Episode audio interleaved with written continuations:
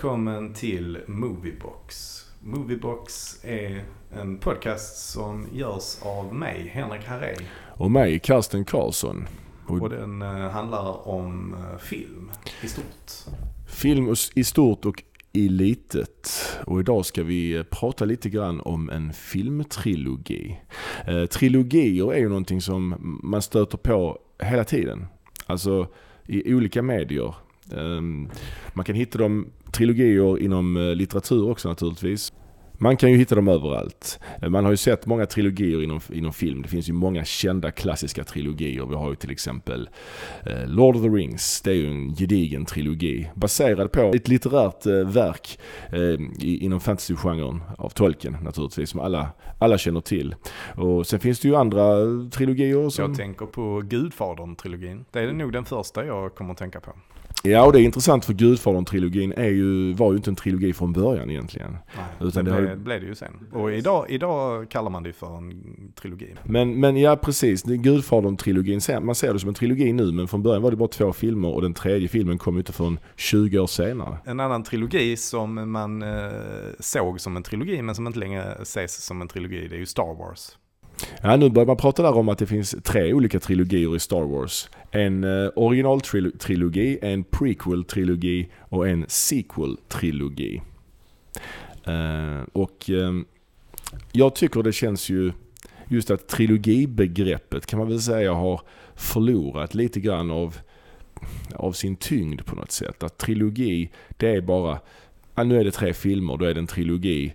Inte så mycket egentligen storyn eh, kanske inte hade behövt tre delar. Alltså jag tänker i Star Wars fall, där är det ju eh, första filmen, första Star Wars-filmen som kom eh, 1977, det är ju egentligen den enda Star Wars-filmen som, som håller ihop som en film.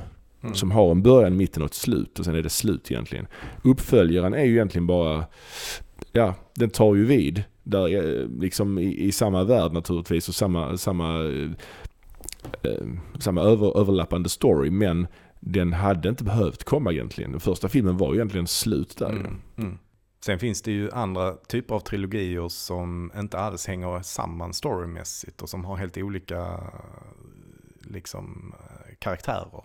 Jag tänker till exempel på att man pratar om att Roy Andersson gjorde en eh, trilogi till exempel. Som nu han har gjort en fjärdedel på också. Ja, precis. Precis. Och, och, lika, precis. och det är ju faktiskt en likhet där mellan, mellan eh, Star Wars kan man säga och Roy Andersson. Att Star Wars, visst han, handlingen fortsätter men det känns ju inte som att eh, handlingen är uttänkt från början. Nej, precis, precis. Alltså de har bara valt att fortsätta. De har ju kommit på allt eftersom vad det ska, vad det, vad det ska handla om. Mm. Man har ju inte, om vi tar till exempel Lord of the Rings, som förvisso är baserat på böcker, så det är liksom, de har en förlaga som är ganska gedigen. Men där är det ju så att det börjar i första boken och slutar i den sista boken. Och det har man, förhoppning, antagligen har väl Tolkien då tänkt ut det från början hur det ska sluta. Mm. Så. Ehm, Och medan då Roy Anderssons eh, trilogi, den, den, de filmerna är, allihopa funkar ju för sig själva. Du behöver Mm. inte ha sett den första filmen, Sången från andra våningen. Alltså, ja, vad heter de nu? Sånger från andra våningen och du sen, levande och en duva satt på en gren och funderade över tillvaron. just det. Och så kom det en fjärde film som jag, jag har glömt vad den heter nu. Ja, vad heter den? Om mänskligheten, heter den det? Nej? Om det oändliga heter den. Mm. Den, har ju, den är ju bioaktuell för tillfället. Ja, precis.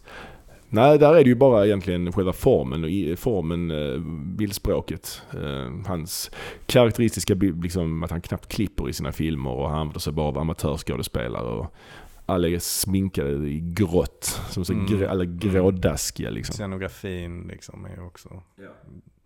Och sen så är de ju gjorda på samma sätt. De är ju i princip eh, liksom, nästan allting är väl filmat i hans studio.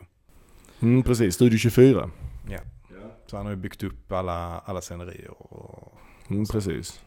Det finns ju andra trilogier. Vi har, nämnt en tri, par trilogier tidigare i den här podden när vi pratade om Dario Argento. Han har ju gjort Mm. två trilogier. En som, en som kallas för djurtrilogin där egentligen det enda som gör att det kallas, eh, liksom, blir en trilogi är just att, att titlarna innehåller något djurnamn. mm. Så filmerna i sig hänger inte ihop. Med, det är ingen, ingen story som fortsätter utan det är bara just att det är titlarna som binder samman dem. Von Trio har ju gjort en trilogi också då som... Mm.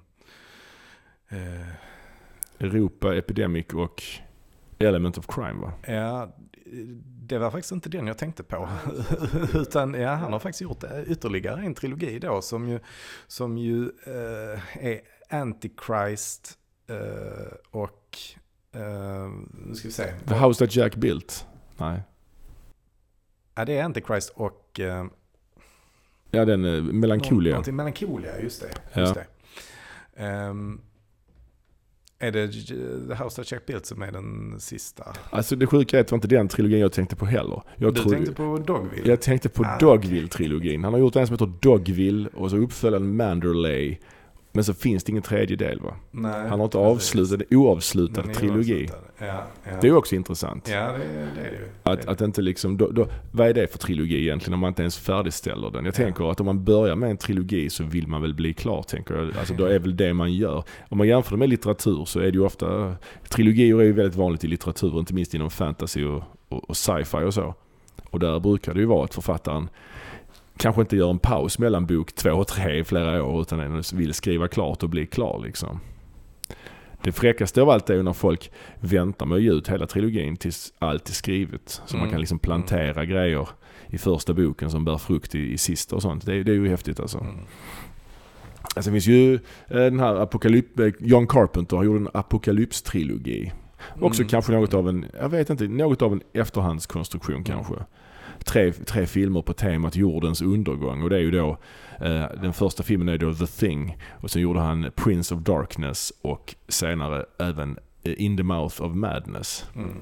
Som alla tre på något sätt handlar om undergång. Och där, där är det kanske lite lättare då att sälja in In the Mouth of Madness med hjälp av The Thing. Än om the In the Mouth of Madness skulle stå på helt egna ben till exempel. Ja men precis, precis. Sen har, väl, har man för mig att man har knutit ihop några av Ingmar Bergmans filmer också.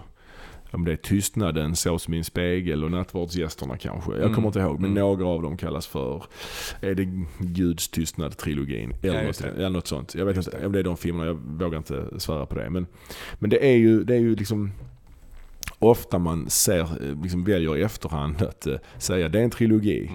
Och det är ju intressant också som sagt när, som, om du, som du sa med Roy Andersson, jag tänker också på Indiana Jones. Mm. Det var också en så kallad trilogi Mm. som sen blev, fick en fjärde del. Mm. Och där är det också, tycker jag, lite att man använder begreppet trilogi lite felaktigt. För det, Indiana Jones-filmerna hänger ju inte ihop rent storymässigt utan det är ju tre separata Mm. äventyr med samma huvudperson egentligen. Dessutom så utspelar sig ju den andra filmen före den första. Ja just det, det är en prequel. Mm. Så att eh, det, det gör ju det hela ännu mer eh, komplext Mm. kan man säga. Ja, verkligen. Så att, eh, ja. Allt detta snack om trilogier. Vi tänkte ju då i detta avsnittet egentligen eh, skapa en egen trilogi. Mm. Kan vi säga det? Mm. Att vi har resonerat kring en tre filmer och vi, vi ska då försöka argumentera för att de här tre filmerna är en slags tematisk trilogi. Mm. Så att det, det är väl egentligen ingen annan direkt som eh, påstår att det här är trilogier. Framförallt inte filmskaparen själv. Nej, nej precis. Vi har gjort, eh, sökt på nätet och vi har inte hittat att någon annan kallar detta för en trilogi, de här tre filmerna. Och jag vet inte, ska vi prata om eh, filmskaparen själv först? Det kan vi göra ju. Ja, vi kan, vi kan säga då att, att det är alltså Brian De Palma. Och vi, vi ska då prata om hans duschtrilogi, kallar vi den för. Men först tänkte vi att vi bara ska prata lite om Brian De Palma själv. Mm. Eh, ja, han, eh, han är uppvuxen i Philadelphia. Eh, och det finns ju en viss eh, relevans i, och, i, i det liksom, som vi återkommer till senare då. Hans, hans, ena, hans pappa då alltså, hans ena förälder var ju eh, kirurg.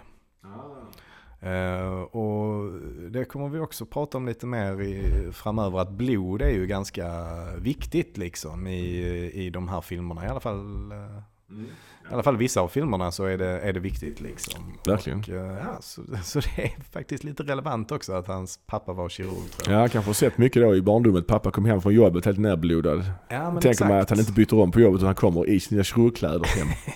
ja, precis. Eh, Take men- your kid to work day liksom. Där. Ja. Ja, nej, men det, eh, den unge Brian var med ofta på, på jobbet uh, hos sin pappa liksom och fick se mycket blod, hur blod ser ut på riktigt liksom. Yeah. Men i alla fall, den unge Brian De Palma då, han börjar studera på universitetet och då läser han först matte och fysik och är lite av en science nerd som han kallar sig själv för. Um, men på fritiden så börjar han intressera sig för drama och film och går med i en sån här filmklubb där de tittar på film. Liksom. Och så där får han ju se mycket eh, konstnärlig europeisk film, bland annat Antonioni och Godard, men, men också mycket Hitchcock och Orson Welles. Mm. Som ju blir då en inspirationskälla till att börja skapa film själv. Eh, och då ser man ju också väldigt tydligt att han tar efter de här eh, filmskaparna i de tidiga verken i alla fall. Så under, film, under medan han pluggade där på universitetet så, så gjorde han ju den första långfilmen då som heter The Wedding Party. Och där är ju faktiskt Robert De Niro med. Just det, jag jobbade mycket med honom i början. Ja. Mm, det kanske är De Niros första film. Um, och sen så fortsätter han ju då att jobba med De Niro också mm. lite längre fram. För sen så slår han då igenom lite grann som USAs Godard kan man ju säga. Mm. Och då gjorde han uh, Greetings och High Mom, båda två med uh, De Niro i huvudrollen. Ja, det intressant faktiskt att de aldrig jobbat sen dess. Jo, det har de, har de i Untouchables. Ja, det har de ja. Ja, just det. Mm, mm. Bra. Mm. Eh, det tänker inte på, men det har de ju såklart. Mm. Det är väl enda gången. Ja, det kanske för att De Niro ser så annorlunda ut i den. Så ja, ja. inte på det kanske. Nej, sant. Känns inte heller som en typisk De Niro-roll. Nej, riktigt. nej. Men... Um, men i alla fall så um, är ju det experimentella och politiska och framförallt samhällskommenterande filmer. Liksom. Så att mm. det, är ju, det är ju den bakgrunden han har där. Liksom. Och mm. redan här så, så kommer ju det voyeuristiska temat in i de här filmerna. Och voyeurism är ju ett tjusigt franskt ord. Precis, för smygtittare. ja, precis. Och det, men det är ju tema i de här filmerna. Ja. Eh, vilket även finns med, man hittar ju fortfarande det i senare filmer också. Ja, eh. till och med Mission Impossible man vill ta det dit nästan. Mm, mm. Vi kanske ska, kanske ska, vi, ska vi kanske berätta lite om vilka filmer han har gjort förutom de här vi ska prata om. Bara lite, alltså vilka filmer som är mest kända. Mm. Det kan vi göra. Eh, vi har ju nämnt nu de här tidiga filmerna han gjorde. Uh, High Mom och Greetings var ju de första. Sen så fortsätter han ju göra lite lågbudgetfilmer då liksom. Mm. Bland annat då Sisters och Phantom of the Opera. Ja, Phantom of the Paradise. Pa ja, såklart. ja, Phantom of the Paradise ja. Det, det är ju en, en variant på Phantom på Operan fast med så rockmusikal. Påminner lite grann om The Who's Tommy eller liksom Rocky Horror Picture Show kan man säga. Verkligen, men den är gjord innan Rocky Horror Picture Show. Ja det gör just det, det är det mm. Just det. Eh, men, men det är absolut, det är väldigt klara likheter där. Han slog igenom under 70-talet i Hollywood, det så kallade för New Hollywood. Det var, ju, det var ju en period i Hollywoods historia där regissören fick ganska mycket makt över sina egna verk. Vad regissören fick i stort sett göra vad, vad den ville kan man säga. Alltså, det var en ny generation spännande regissörer som, som fick helt enkelt mycket inflytande att göra bra personliga filmer. Och De Palma var en av de regissörerna. Eh, en av de mest kända men samtidigt av de mest kända kanske en av de minst kända. Alltså andra namn från den här tiden är ju Steven Spielberg, Martin Scorsese, Francis Ford Coppola, George Lucas. De namnen är ju större än De Palma och de har ju, är ju i viss mån än idag aktiva, inte Coppola så mycket. Och, och, där kan man ju tillägga också att just, eh, just de du nämnde, alltså de blev väldigt nära vänner. Alltså mm, Coppola, Lucas, Scorsese och Spielberg. Eh, de, blev ju, de var ju en grupp liksom. Och, och tidigt där så, eh, så ingick de också i samma, alltså de var knutna till samma filmstudio. Och det var Warner Brothers. De kallas för The Movie Brats va? Eh, nej, de kallas för Warner Brothers Youth Group då. Ah, okay. ja, ja, ja. Eh, just när de var knutna till Warner Brothers. Men sen av olika anledningar så splittras de till olika, till olika mm. bolag liksom. Yeah. men, men tidigt där, och Paul Schrader ingick där också. Ja, just det, som även skrev manuset till Taxi Driver bland annat. Ja, och sen så långt senare så har han ju börjat regissera egen film också. Ja, ja, oh ja. Eh, Men, men han är ju främst känd som en... eh, Och där var det ju faktiskt just med Taxi Driver så fick ju faktiskt eh, De Palma det manuset först. Jaha, okej, Eh, ja, ja. Men, men föreslog sin vän Scorsese. Mm. För att han tyckte att det skulle funka för Scorsese. Liksom. Ja, ja. Så det är ju det är ju intressant. Men de, de var väldigt nära varandra och stöttade varandra. Och jag tror att särskilt Spielberg och, och Koppel, eller Spielberg och De Palma var väldigt nära varandra. Ja. Det finns också en, en klassisk eh, incident när George Lucas skulle visa upp en arbetskopia på Star Wars för första gången för sina polare då, bland annat De Palma och Spielberg. Eh, då, filmen var inte klar då, så de bytte alla effekter och sånt, inga effekter var klara. Så alla sådana här rymdskeppsstridsscener eh, var utbytta mot bilder från andra världskriget, olika flygstrider. Och då var det också att, då var De Palma liksom väldigt skeptisk till att det här skulle funka. Att ingen, vem vill se detta, tänkte De Palma. Medan Mm. Spielberg tyckte det verkade jättebra.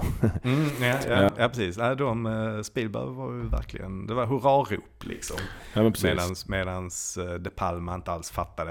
Men jag tror att De Palma tyckte också att det var, det var, det var tramsigt ganska mycket det här med, med The Force och sånt liksom. Han, eh, han tyckte att det skulle behöva förklaras mer. Liksom. Ja precis. Så frågan där är ju ifall han tycker det.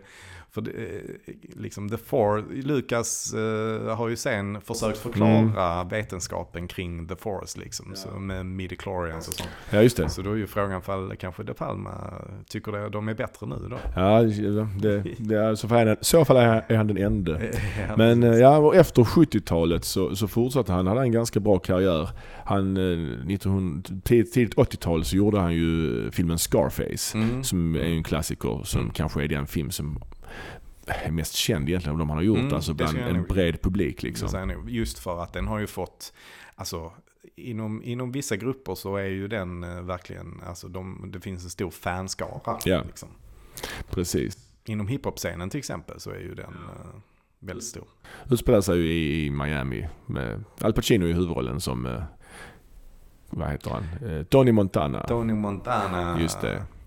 Och sen har han ju också gjort eh, The Untouchables som vi tidigare, tidigare nämnde. Den här eh, filmen om hur eh, de eh, satte dit Al Capone Mm. med eh, Kevin Costner och Sean Connery som fick Oscar för sin biroll där. Mm. De spelar FBI-agenter som ska ta Mm. ner Al Capone. Och det är intressant där att eh, Scarface har ju också en förlaga. Det Just finns det. en gammal film som heter Scarface. Just det. Eh, men även Untouchables har ju också en förlaga som var en tv-serie. Ja, just det. Eh, Men, eh, men det är, filmerna är ju väldigt olika sina förlagor kan man ju säga. Kallades inte Al Capone för Scarface också? När jag tänker efter. Jag för mig han gjorde det. Vi klipper bort om han inte gjorde det. Jag vill minnas att han kallades för Scarface för han hade ett R på kinden. Sen har vi ju, sen, sen så stötte han ju på lite problem också, De Palma. Han gjorde den här filmen eh, The Bonfire of the Vanities. Precis, Få- fåfängans fyrverkeri. Precis. Och, och det är ju intressant, liksom, han fick ju en riktigt hög budget till den. Eh, och fick ju styra och ställa ganska mycket själv över den filmen. Eh, men eh, det blev platt fall kan man ju säga. Och man kan väl ändå säga att det inte är en särskilt bra film. Ja, den, är- den är baserad på en eh, roman som är väl, är inte den romanen lite så ofilmbar? Har jag för mig. Men det är med Tom Hanks, Bruce Willis och Melanie Griffith i alla fall. Eh, och efter det så, ja hans karriär skadades ju markant av det.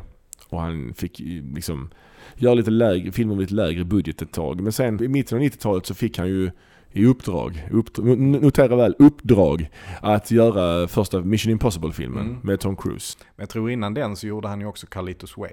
Ja just det, Carlitos Way som var lite grann en, ett, säkrare, ett säkrare kort. Lite en Scarface 2 så att säga. Också Al Pacino i huvudrollen som någon slags gangster.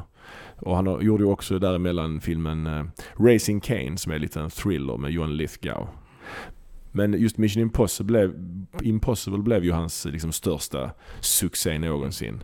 Men det är ju en sån film som man liksom inte tänker på att det är han som har regisserat den. Det är ju mer en Tom Cruise-film. Ja, Liksom en, en high concept-film liksom. Det är det. Men vet man att det är han som har gjort den och om man letar efter det i filmen så ser man ju ändå Oh ja, man ser, ja, man säger att det är en De Palma-film, absolut. Men, eh, och, men jag har för mig när jag såg den filmen på bio första gången att jag liksom hajade till när vi satt där och såg hans namn i förtext. Att shit, är det han som har gjort denna filmen? Vad, vad kul, Mm. tänkte jag. Ja. Eh, Men sen har han haft ett par floppar på senare. ja, men sen gjorde han väl den här Mission to Mars. Bland annat. Och han har Ja. gjort Och Snake den- den- Eyes. Ja, Mission to Mars gick ju riktigt dåligt eh, och är en dålig film. Eh, Snake Eyes med Nicolas Cage, där det är ändå fortfarande, han har ju ändå fortfarande hög budget på de här filmerna, men, Ja. men han får liksom inte riktigt till det. Ehm, och, och sen efter det så har han gjort Blue Dahlia bland annat. Black Dahlia va? Black Dahlia är det, ja, precis. Black Dahlia, ja. Mm. Som det- är någon slags film noir. Ja, fruktansvärt dålig också. Mm. Inspelad i Ungern tror jag. Ja, han har jobbat, gjort rätt mycket på senare år har han gjort ganska mycket liksom, thrillers med lägre budget. Mycket Mm. inspelat mycket i Europa och så. Men De Palma är liksom ett exempel på en regissör som har haft en väldigt stor en storhetsperiod. Men som på senare år har liksom inte haft så mycket, så många succéer. Men i och med de filmer han gjort under sin tidigare karriär så är han ju ändå liksom någonstans en odödlig regissör. Liksom. Mm. Han, han, det han har gjort är så pass bra så att han ändå liksom inte, han är inte bortglömd på något sätt, absolut inte. Okej, ska vi eh, ta och prata om de här tre filmerna då? Som Mm. utgör den här så kallade duschtrilogin. Okej, de, de tre filmerna då som vi anser utgör den här De Palmas duschtrilogi. Det är, alltså, det, är, det är följande filmer. Det är alltså Carrie från 1976, Dressed to Kill från 1980 och Blowout från 1981. Mm. Och vi börjar ju med att prata om Carrie då. Mm. Och de här, de är inte gjorda i följd va? Alltså det, han gjorde någonting mellan där va? Mellan, Ja, mellan. Carrie och uh, Dress to Kill. Ja det gjorde han. Ja, det gjorde han. Så att eh, det är liksom, eh, de, de är inte gjorda i följd. Precis som Gudfadern-filmerna heller inte är gjorda i följd. Eh, Så att han har haft en paus där mellan. Nu, nu är ju inte det här en trilogi egentligen. Det är ju vi som tycker att det här är en trilogi. Mm. Och vi ska, vi ska argumentera varför det är det då. På olika, det är Mm. olika, olika grunder till att vi ser det som en trilogi. Och vi börjar prata om Carrie då. Mm. För 1976. The girl with the strange power. If I concentrate hard enough, I can move things. But tonight, no one will laugh at Carrie. Och det är ju baserat på Stephen Kings eh, debut. Första, första boken. Ja. Mm. Eh, och eh, den boken, eh, ja den tar ju upp ämnen som eh, övernaturliga krafter, telekinesi Mm. och, och mobbing. Mm. Ja, Och uh, pubertetsangst. ja. Så att man förstår att det blir en hit. Den här, den här boken har ju alla ingredienser. Precis. Men det är just har, du, utsatta- har du läst boken? Jag har läst, jag tror jag har läst den. Jag läste den på tidigt 90-tal tror jag. Jag, jag har läst, den, den, ja precis det är ett tag sedan. Jag, jag, jag läste lite i den nu inför det här också. Mm. Och den är ju lite intressant i sin uppbyggnad. Alltså att det, dels är det ehm, att man får följa den här huvudpersonen Carrie då. Mm. Som, som, som en vanlig skönlitterär bok. Men sen ibland är det utdrag ur eh, olika artiklar om Carrie. Mm. Och olika artiklar om telekinesi, telekinesi och så vidare. För, för boken utspelar sig nämligen några år in i framtiden. Eh, Den är skriven på 70-talet, 74 tror jag den kom ut. Men den utspelar sig, eh, eller i alla fall de här eh, tidningsartiklarna och så vidare är från tidigt 80-tal. Mm. Så att de ser liksom tillbaks på den här incidenten då som, Mm. som har hänt. Mm. Ja, det minns jag faktiskt inte.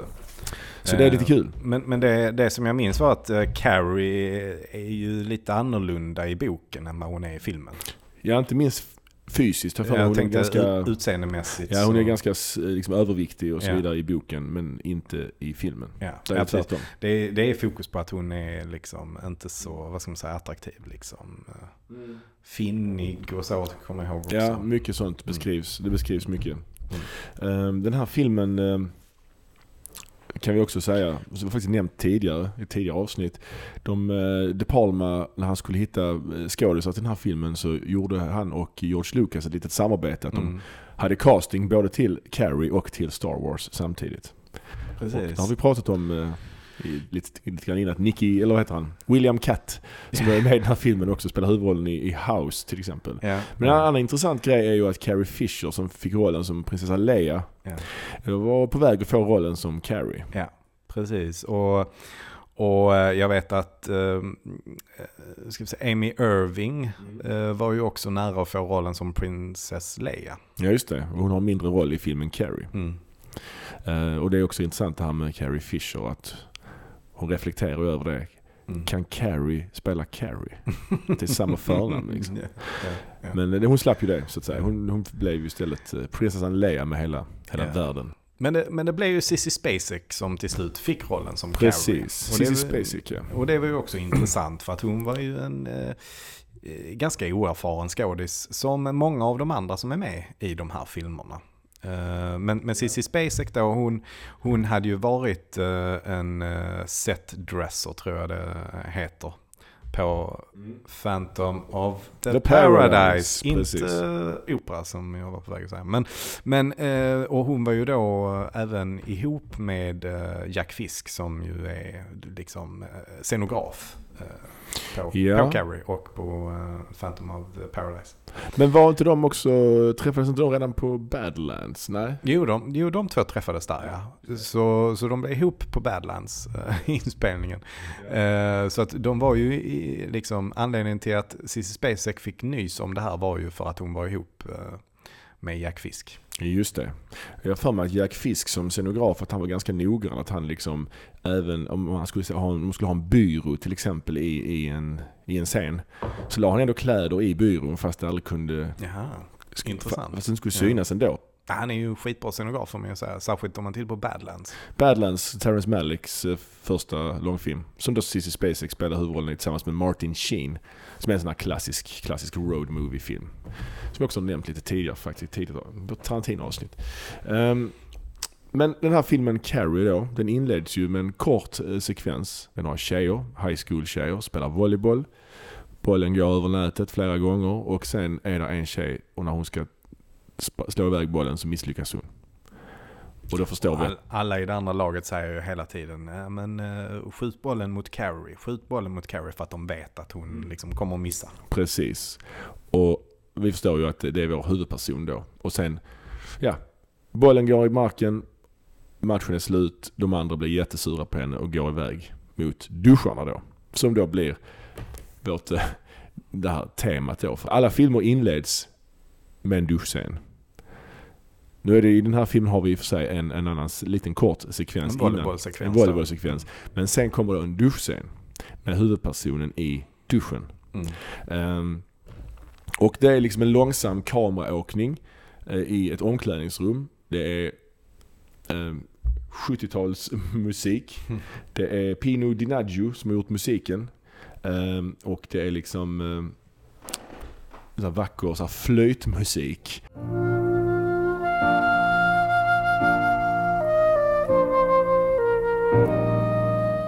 Och det är liksom, det är nakenhet, flöjtmusik. Det är väldigt, väldigt 70-tal liksom. Mm.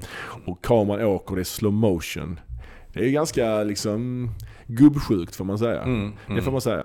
Alltså det är ju lite en, en voyeuristisk dröm. Alltså, Ja, precis. Eller dröm låter som en... Det, är, det är inte min dröm alltså. Men, Nej, precis. men, men alltså en fantasi snarare. En voyeuristisk fantasi liksom. att kunna liksom kika in i ett omklädningsrum där liksom de här unga tonårsflickorna byter om. Liksom. Det, det är det ju. Och det är ju det vi får göra här liksom. Precis, och sen är det en åkning liksom in i, i en av duscharna. Och där står då Carrie och duschar. Och det är liksom slow motion och det är närbilder hit och dit. Ja, väldigt, eh, alltså man får ju se, eh, det är också att hon duschar på ett väldigt så, alltså som att hon smeker sig själv med tvålen. Liksom. Mm, precis. Det är väldigt sexualiserat. Mm. Detta är ju eh, liksom såklart inget som hade gjorts idag kan man tänka sig. Nej, I det hade en, i en mainstream-film i Hollywood. Här, den här filmen ska vi komma ihåg är ju en ganska stor, en stor produktion ändå. Ja, det är ju, det är ju uh, De Palmas egentligen första storproduktion. Mm, precis. eh, är det. Och den hade en hyfsad budget liksom. Ehm, Ja, verkligen. Så att, ehm, ja, så att det är det ju. Men, men däremot så eh, produktionsbolaget och filmstudion trodde ju kanske aldrig riktigt på den liksom så. Utan de, men Mm. de gjorde den ändå liksom. Ja. Och i den här då, eh, i den här duschscenen då. Eh, så ser man då att det börjar rinna blod då. Längs Ja. hennes ben. Och hon får sin första mens då. Mm. Väldigt hög ålder för det såklart. Vilket de också tar upp i boken. Ehm, Och Mm. hon blev chockad över detta och tror hon ska, att hon ska dö liksom. Att det är något fel på henne liksom. Och de andra bara skrattar åt henne, de andra tjejerna och kastar liksom tamponger på henne. Det är ett ganska, hon spelar över här rätt mycket tycker jag, Spacek. Hon verkar ju, men å andra sidan, det är en svår situation att sätta sig in i om man inte, så att säga, um, hon tror hon fattar inte vad det är som händer liksom. Nej, nej precis. Alltså hon, ehm, ja hon spelar väldigt säreget genom hela filmen egentligen. Upps, uppspärrade ögon liksom. Precis, men hon är inte så heller direkt ensam om det eh, skulle jag säga. Liksom, utan det är nog någonting som är rätt så återkommande i, i filmen. Liksom, att det är ett ganska så överdrivet spel, tycker jag, i, eh, i många fall. Och, eh, och där är, är väl också, jag tror De Palma var lite otydlig med vad det här skulle vara för typ av film. Ja. Eh, För att eh, till exempel om man då tar Piper Laurie som spelar uh, Cissi Spaceks eh, mamma i filmen. Mm. Känd från Twin Peaks bland annat. Precis. Hon till exempel trodde att det var en komedi hon spelade in. Oj. Eh, ja, precis. Hon trodde det hela tiden. Så att jag tror att eh, De Palma ville, ville eh, åt något slags, kanske ett lite orealistiskt skådespeleri tror jag. Mm. Det, är min egen, det är min egen tolkning av det i alla fall. Ja, kan vara, det, kan vara så. Ehm, man etablerar också redan här i den första scenen, det eller den första sekvensen här med duscharna, det, det övernaturliga. För hon, hon får hon, i den här paniken så är det en lampa då som bara smäller av sig själv då. Mm. Och det är då Carrie då naturligtvis som, som gör detta med sina krafter liksom. Ehm, och ehm, lite senare efter detta så är det, får hon, har hon ett samtal med rektorn. Där rektorn hela tiden s- liksom säger fel, hennes namn fel. Hon säger, han kallar henne för Cassie. Och då blir hon förbannad och säger eh, My name is Carrie och då skriker hon det högt. Och då flyger ett askfat från hans skrivbord rakt upp och ner landar på golvet. Liksom. Mm. Och då hör man sådana här eh, psycho-stråkar. Mm. Så här, ching, ching, precis som i, i filmen Psycho. Ja, men det, det är ju, alltså det är ju inte exakt de stråkarna, men det är ju liksom i princip en kopia på, på de Ja. stråkarna Ja, som är där. precis. Liksom. Och där kommer vi ju tillbaka till eh, De Palmas fascination för eh, liksom Hitchcock. Ja, han är ju Eh, väldigt inspirerad av Hitchcock ja. i, i många av sina filmer. Och han har ju, eh, Bernard Herrmann var ju den som gjorde de här eh, Stråkarna, stråkarna. Ja. Och, och han var egentligen tänkt att göra musiken till Carrie. Han gjorde ju musiken till Sisters till exempel. Ja. Bernard Herrmann. Och, ehm, men men han, under tiden här så jobbade han ju med musiken till Taxi Driver. Så han var ju Just det. upptagen med det. Och sen efter det så dog han. Så han kunde aldrig göra musiken till Carrie. Men det var det som var tänkt. Så då fick ju eh, De Palma hitta en ersättare. Och det var då han hittade Pino, vad heter han? Pino DiNaggio. DiNaggio som, som ju gjorde musiken till Don't Look Now. ja, just det. eh, Med Mm. Donald Sutherland. Rösten från den andra sidan heter på svenska tror jag. Ja, just det. Ja. Just det. Ja. Och Pino DiNaggio kan vi ju säga redan nu att han har gjort musiken till alla tre av de här filmerna vi ska prata om. Mm. Så det är ju intressant bara där. Bara det är ju, gör att det är en Det trilogi. är också intressant att Pino DiNaggio, förutom var känd för att han hade gjort eh, musiken till Don't Look Now, så är han ju även känd för något annat. En annan låt. Kan Jaså? du den? Eh, nu scrollar jag här bland mina papper, men nej, det, det, det har jag Ja, men han var ju känd för hitlåten You don't have to say you love me. Oj. Det var starkt. Ja, visst. Det tror man kanske Nej, inte. det trodde jag verkligen inte. Nej, det trodde jag verkligen inte. Ja. Ja, sen, ja, sen är det en liten sekvens också när Carrie är på väg hem och det kommer en liten unge som cyklar förbi och skriker och någonting till henne. Och då stirrar hon också sådär med sina stora, de spärrar, hon spärrar upp ögonen, man zoomar in på hennes ögon och man hör de här Hitchcocks eh, stråkarna igen. Ching, ching, ching! Och så välter ungens cykel, liksom, Mm. han trillar. Då är det hon som har orsakat det då Ja. liksom. Så det börjar man ju fatta vid det här eh, läget. Man liksom. etablerar det tidigt och, Mm. och ehm, sen, sen är det ju, ehm, man etablerar mamman också och hon är någon slags kristen galning då. Hon är en kristen galning, precis. Ja.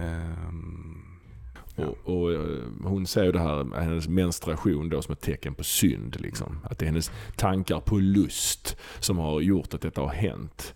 Och, det, och hon straffar ju henne då genom att låsa in henne i en skrubb liksom sådär. Och när hon kommer in i huset så får vi också liksom se att det är fullt med krucifix överallt. Ja. Liksom. Och eh, ja, vi får verkligen eh, lära känna mamman som den här kristna fanatikern liksom. Precis. Och det är ju, om vi ska ta själva fotot till filmen. Mm. Det är ju som sagt, vi har snackat tidigare om musiken, det här tvärflöjtssoundet. Eh, så är det ju väldigt eh, 70-taligt. Alltså det är väldigt softad 70-talsbild. Mm. Han använder sig också av det här eh, verktyget split diopter på Mm. kameran. Åter, återkommande i alla de här filmerna. Mm. man, eh, hur ska man förklara Det det? är väl oftast återkommande i, jag tror han använde det redan på Sisters också. Eh, Så att det, och jag tror att han till och med använt det i senare filmer också. Ja. Men, men man kan förklara det med att det är en, eh, en eh, adapter som man sätter på eh, kameralinsen. Som gör att eh, du liksom delar upp eh, linsen i två olika delar. Liksom, där, du, där du då kan ha fokus på två olika saker samtidigt. Eh, Så att du kan ha någonting i förgrunden som blir fokuserat samtidigt som hela bakgrunden också blir fokuserat. Och det gör ju då att du får ett väldigt långt, eh, alltså du får en djupskärpa som är omöjlig att få till på, på, på något annat sätt. Ehm, ja, det ser ju nästan lite overkligt ut. Alltså, Mm. man, Det, det blir ju, det är ju ganska svårt att jobba med för att det blir ju liksom en, en gräns där mellan de här två olika skärporna så att säga. Eh, som, som där det blir lite suddigt liksom. Så om man spanar noga så kan man, så kan man se det.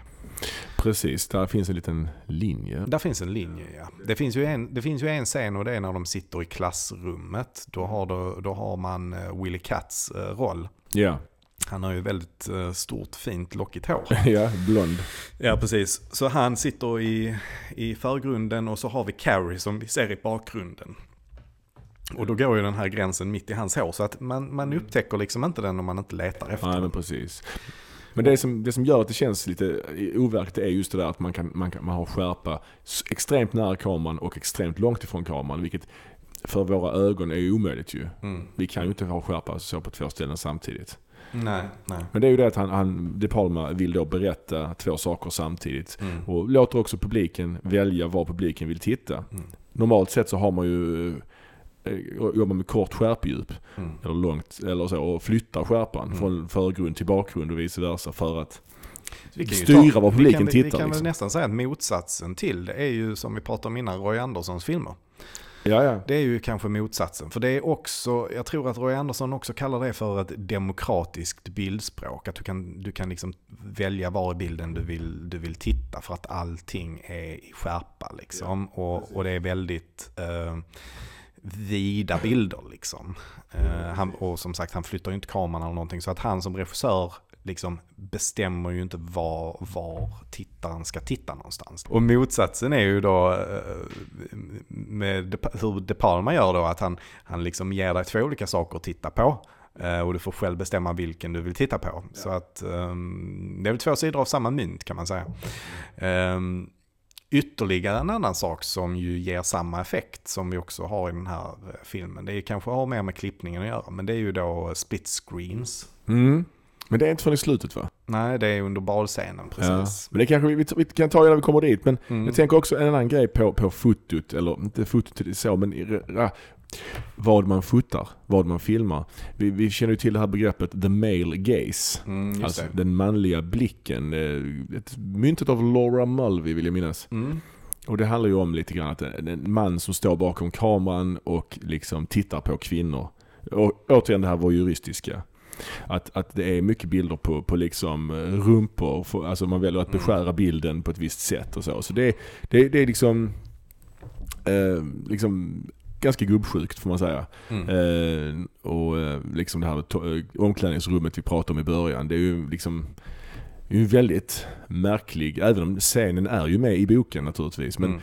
man kan ju filma det på så många olika sätt. Här Ja, är ju slow man göra. motion åkning liksom, massa Ja. nakna människor. Eh, så. Och det, men, men det var ju verkligen så att när den här filmen kom ut så fick han ju massiv kritik för detta. Ja, Det- precis. Ja. Och det, det är ju liksom som sagt, det ska ju vara tonåringar liksom och så vidare. Det är ju liksom superproblematiskt såklart. Nu är det ju inte tonåringar i filmen. Och det, det är också lite sån grej som man tänker Ja. på. När, när man, jag har ju sett den här filmen när jag själv var liksom eh, tonåring. Mm. Då tänkte man inte på det på samma sätt. Men när man ser den här filmen idag så inser man att alla de här så kallade skolungdomarna är ju Mm. jättegamla. Mm. Jag tror Nancy Allen var 26. De flesta var 26-27 Mm. som var med i den här filmen. Men jag köper att Cissi Spacek är en, tonåring faktiskt. Ja, Eh, det, det gör jag också. Men det är många andra som ser för gamla ut. Ja, ja. Alltså 26-27, det är rätt långt efter Mm, man har gått mm. ut. ja, men Amy skolan. Irving tycker jag ser mycket äldre ut och eh, Nancy Allen också. Ja, och det hade ju inte funkat idag egentligen. Att Nej. ha så pass gamla. 21 kanske max liksom. Mm. Eh, Det, gör nästan att man glider ur fiktionen lite grann Mm. ibland. Och hon som spelar den här gympaläraren, de har, de har en ganska sträng gympalärare som typ Ja. örfilar, slår, Ja. slår till sina elever hela tiden liksom. Bara, Ja. "Psh, nu skärper du dig, bara ger örfilar till höger och vänster. Det, är- det är en grej som jag tycker känns lite konstig. Det är en märklig pedagogik alltså. Mm, mm. Det är ju 70-tal förvisso, men ändå alltså. Mm. Ja, men jag köper inte det riktigt. Liksom. Det, jag tror inte det var så vanligt på 70-talet att man Nej, behandlade eleverna på det sättet. Liksom. Men hon som spelar gympaläraren, hon är ju inte mycket äldre, om hon ens är äldre, än Mm. de som spelar eleverna. Liksom. Nej, nej. Så det, det är intressant. Eh, Hon örfilar ju bland annat Nancy Allens karaktär. Nancy Allen får man väl säga som filmens huvudantagonist då. Ja, ja, det är det ju.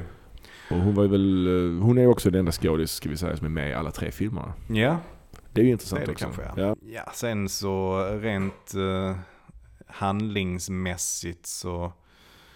Ja, John Travolta, hon är, ju, hon är ju då tillsammans med John Travolta. ja, Nancy Allen ja, precis. Mm, Nancy Allens karaktär är tillsammans med John Travolta.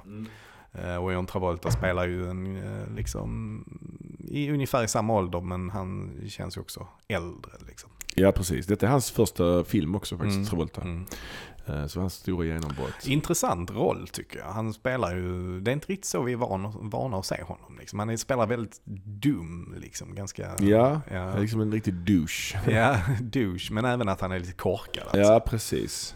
Vi har också PJ Souls som- är intressant. En av tjejerna som också mobbar Carrie som sp- spelar tjejen Norma. Mm. Just det, det är hon med keps va? Exakt vad jag skulle säga. Hon har alltid röd keps på sig. Mm. Och de har en sekvens där de, på- de har gympa, de gör olika så här gymnastikövningar. Där alla har på sig samma skoluniform. Typ gul t-shirt, svarta shorts. Men, alla, men, men just PJ Souls karaktär har istället röda shorts och röd keps. Det är jättekonstigt att de låter henne klä sig. Hon har röd keps på sig i alla scenerna. Det är en sekvens också där de ska permanenta sig inför den här balen. De sitter under sån här permanentmaskin, det är en sån stor bubbla över huvudet. De har satt kepsen på den. Det är helt sjukt alltså. Ja, men det är lite det jag menar med, med det här med att det är en komedi. Liksom.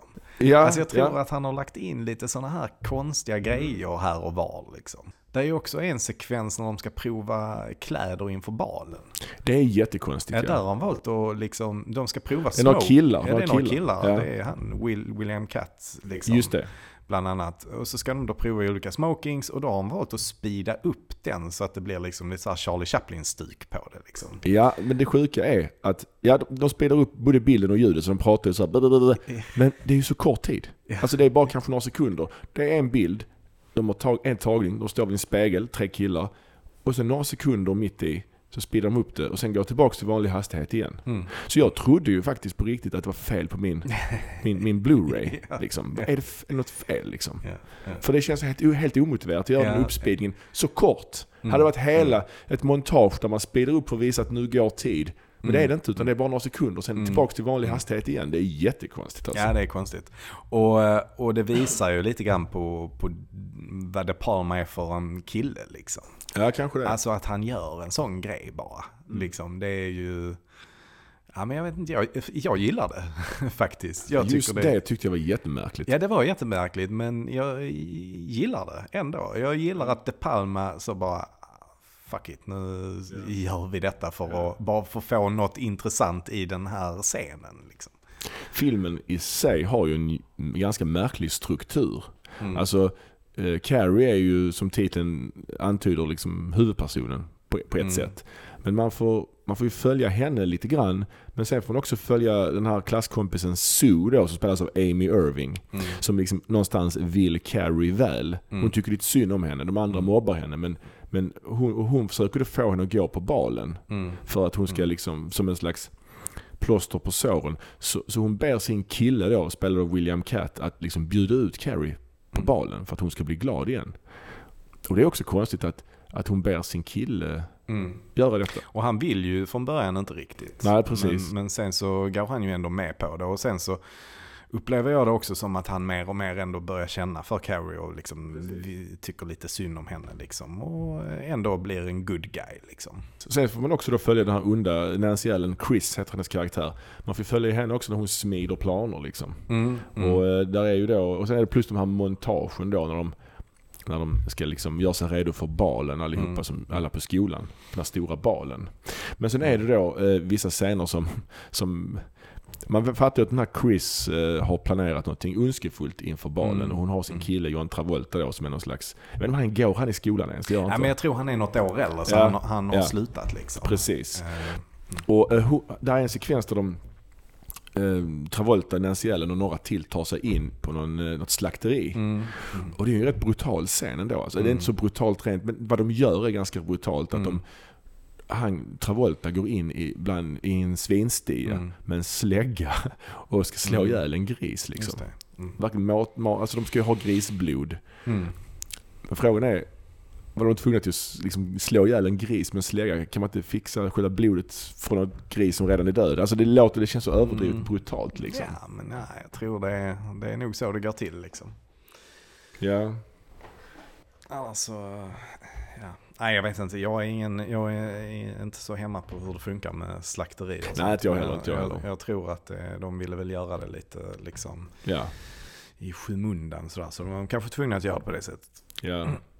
Sen är det ju Carrie har gjort sin egen klänning till, till balen Mm. själv. Det är lite Mm. Askungen lite sådär på något sätt. Mm. Även om Askungen Mm. hade hjälp av, i alla fall i Disneys version av massa djur. Eh, Mm.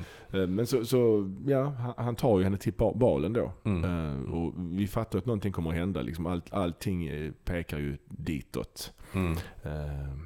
Och de sitter på balen, gympaläraren, hon den här som slappar alla, kommer fram Mm. och berättar någon historia för Carrie. Hon är lite som en läromästare, hon vill ju också Carrie väl. Hon Mm. tycker synd om henne, hon ser att hon är utsatt liksom. Ehm, och eh, ja, han börjar ju gilla henne, börjar man anta ju. Att Nicky Cat börjar ju, Mm. eller William Cat förlåt, Ja. börjar ju gilla Carrie. Ehm, Är Nicky Cat förresten släkt med William Cat? jag vet inte, vi Ja. får ta reda på det. Ja, Det är, det, det är ett annat avsnitt i sig. Ja, det är det. Nej men sen blir de ju, sen har man ju också etablerat tidigare att de försöker rigga det här lotteriet eller det här Mm. röstningen för de ska, det utser ju alltid en prom queen och en prom king. Och det har ju då Nancy Allen försökt riggat med hjälp av han, vad heter han den skådespelaren? Han som är med Miami Vice, han är lite runde. John DeHeel eller något sånt heter han. Nej, jag vet inte. Det minns jag inte riktigt vem det Han, var. han är med i alla fall också, Ja, en av de här Mm. killarna.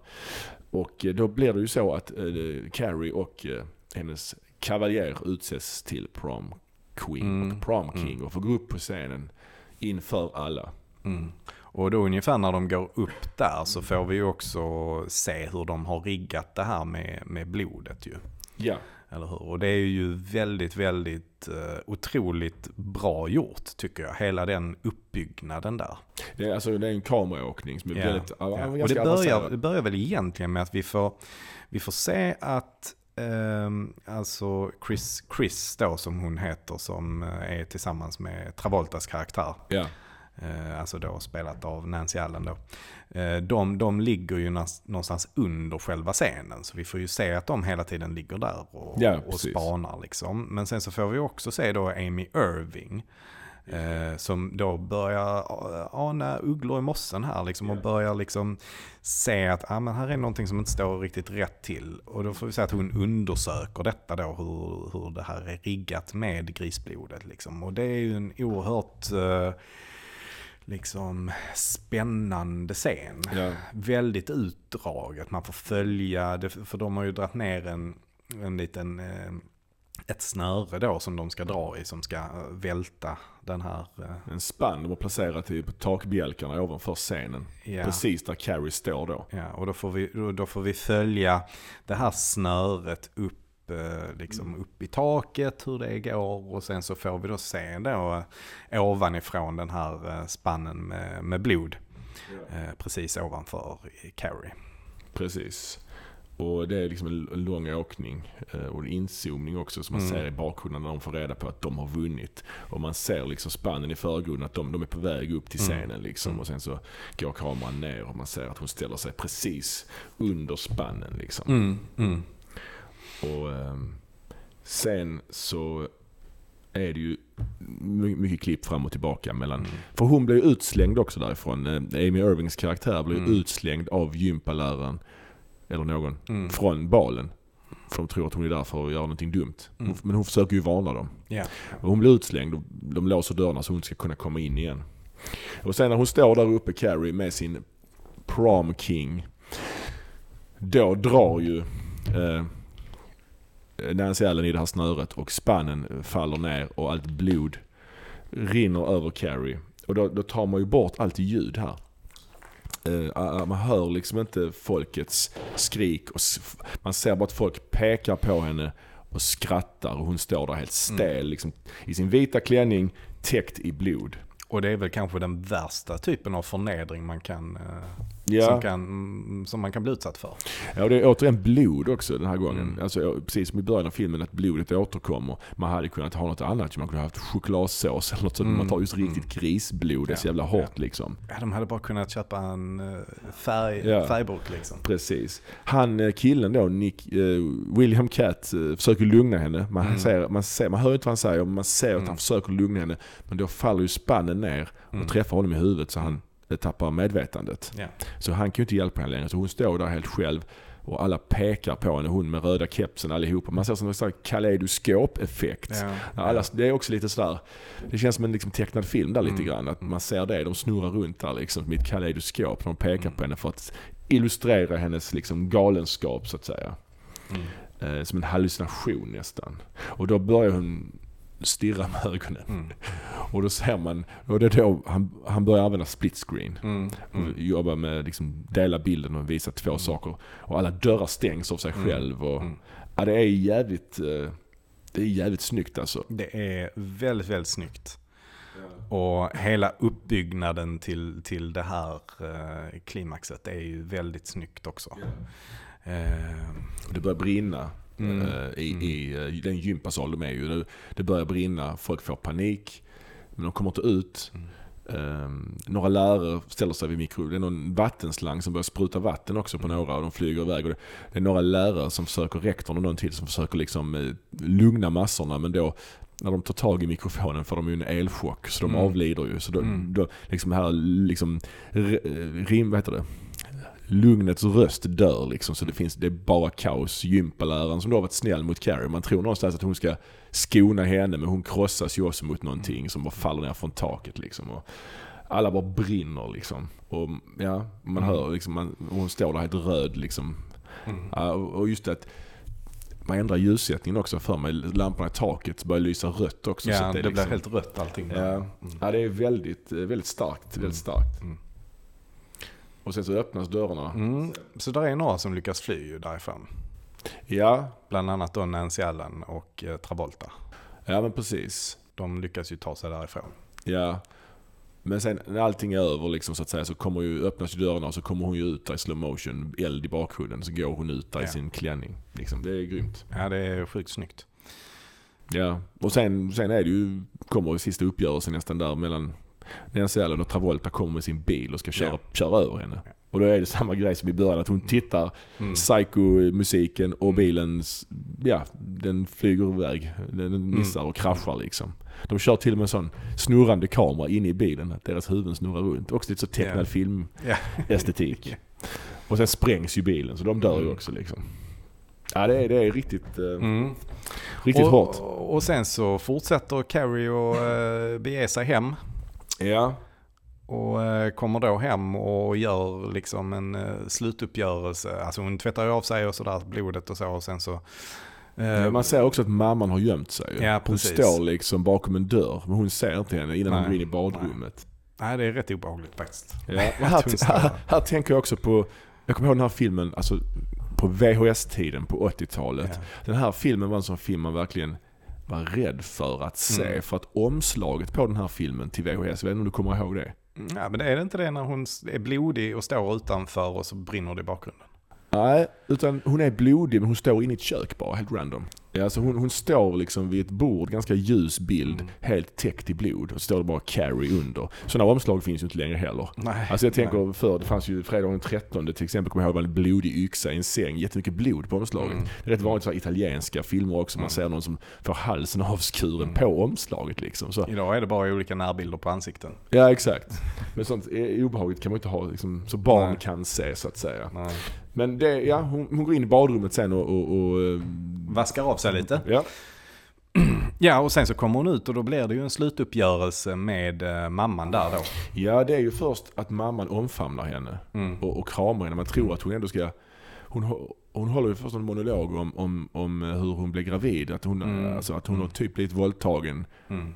men valt att behålla barnet. Och det är då Mm. Carrie. Så är det nog inte i boken. Jag tror hennes pappa är död eller något sånt i boken. Mm.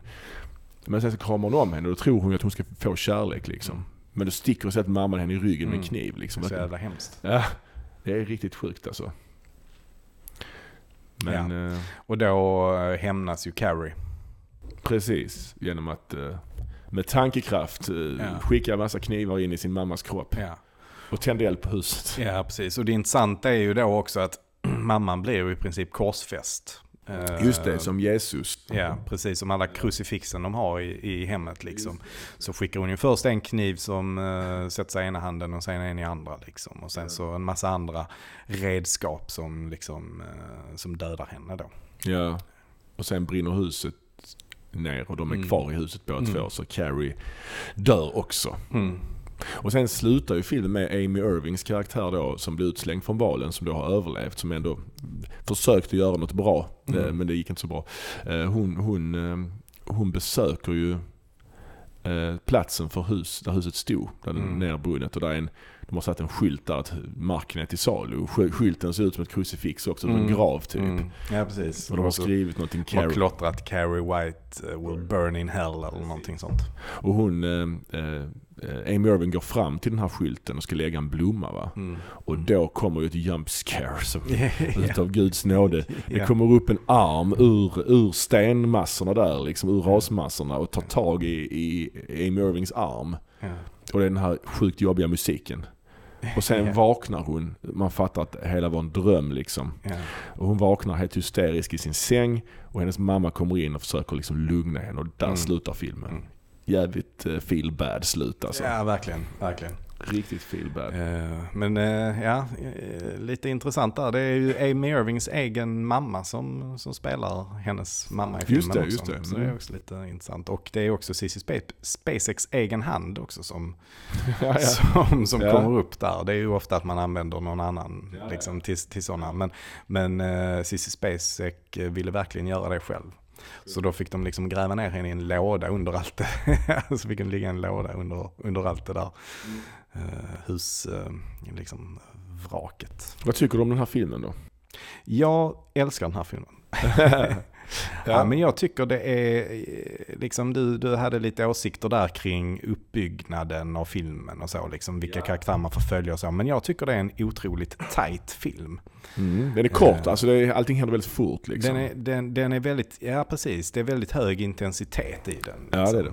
Och, och jag tycker att eh, ja, men storymässigt så tycker jag den verkligen eh, funkar skitbra. Jag tycker, jag tycker bortsett från, från de här scenerna med gympaläraren så gillar jag liksom eh, skådespeleriet väldigt mycket. Liksom. Mm. Jag, Eh, jag tycker absolut, både Nancy Allen och, eller förlåt, både Cissi Spacek och uh, Piper Laurie blev Oscarsnominerade Mm, för, för mm. den här filmen. Bästa mm, kvinnliga huvudroll och biroll va. Ja, precis. Ehm, Ehm, och jag tycker Nancy Allen spelar jävligt bra också faktiskt. Som, Ja. som eh, liksom antagonist. Ja, det gör hon. Ehm, Och så är det kul att se en ung Travolta som faktiskt gör en rätt så intressant rolltolkning tycker mm, ja. jag. Eh, spelar bra. Ehm, och, och sen så framförallt så tycker jag att den är väldigt, väldigt snygg visuellt sett. Ja, Liksom. framförallt den här bal... Balscenen är ju bland det bästa jag har sett någonsin tror jag. nej, nej, Ja men det är riktigt Nu bra. ska vi dra ner lite på det. Men, Ja, nej, men det, det, det är riktigt snyggt alltså. Ja, Och det är och, kul. och sen är det kul med, med split screens och split diopter som man inte ser så mycket liksom. Och de här blinkningarna till Hitchcock gillar jag också. Han har ju också gjort någonting annat med eh, liksom förlagen. Alltså Stephen Ja, Kings bok ja. som sagt har de här eh, citationstecken dokumentära inslagen Mm, emellan mm. varven. Jag tror också boken slutar med att man läser någon annan, något tidningsutklipp om någon annan, eh, liksom, något annat barn som har krafter. Mm. Mm. Så är det ju- Aha, jag- jag för mig Då är det. det eldfödd kanske då eller? Nej. Jag vet inte. Ja, så Eh, ja, ja, efter den här filmen, ja. Men det blev, ju- filmen blev ju en hit i alla fall. Eh, Ja. Trots att studion inte riktigt trodde på den. Så den hade väl 1, eller den kostade 1,8 miljoner. Den gick lite över budget på inspelningsmässigt. Men den, den, eh, den blev ju en hit. ja, jag tror den spelade in 35 minst i alla fall. Mm, mm. Och Ja, det var ganska, ganska mycket på den tiden. Ja. Ehm, och sen efter den här filmen då, uh, Carrie, så gjorde han ju ett par filmer innan nästa. Han gjorde först eh, filmen The Fury, Mm. eh, Mardrömsjakten 1978. Som också handlar faktiskt om ungdomar med så här övernaturliga krafter. Mm. Där Amy, Amy Irving är med den också. Ja, där spelar hon huvudrollen istället, Amy Irving. Där är också John Cassavetes med. Mm. Och Kirk Douglas. Kirk Douglas spelar också en av huvudrollerna ja. Eh, Den är lite mindre edgy, den är lite mer slätstruken. Men den har ett par rätt feta scener. Har du sett Mm. den eller? Nej, jag har faktiskt inte sett den. Ja, det är en scen i slutet där eh, en... Men han sprängs där va? Nej precis, det är en, där en person Jag har kanske sett den sprängs. för länge sedan. Det är väl, ja, ja. Cassavetes är det. Cassavetes, ja, ja. det är det är en scen där, han, där Amy Irving spränger honom med hjälp av sin tankekraft. Det är rätt blodigt i och för sig. Men resten av filmen är ganska, liksom, lite mer eh, ordinär. Sen har han gjort, eh, gjorde han en lågbudgetfilm också, någon slags eh, experimentfilm som heter Home Movies. Där Nancy Allen också är med. Den har jag Och inte eh, sett. Kirk Douglas. Ja, Mm. den är ganska, den är lite som meta, den är ganska svår att få tag på. Ja, men den handlar ju om um, alltså hur man gör en lågbudgetfilm. Jag vet att han gjorde den på det gamla universitetet som han eh, gick på. Eh, Men då har vi kommit fram till, då har vi kommit fram till nästa del i trilogin. Mm. Och det är då filmen Dressed to Kill från 1980. Mm. Brian De Palma, the master of the macabre, now invites you to a showing of the latest fashion in murder. Kommer du ihåg vad den heter på svenska? Eh, På den här tiden hade filmer svenska titlar ju. eh, jag får gissa. Ja. Eh, mördande utstyrsel. Nej. Nej. I nattens mörker I heter den. nattens mörker. Wow, det var en otroligt kreativ och eh, fin titel. Och den här filmen, den börjar ju återigen med en långsam inåkning ja. i någon som, på någon som duschar. Det är en smörig flöjtmusik av Pino Dinaggio.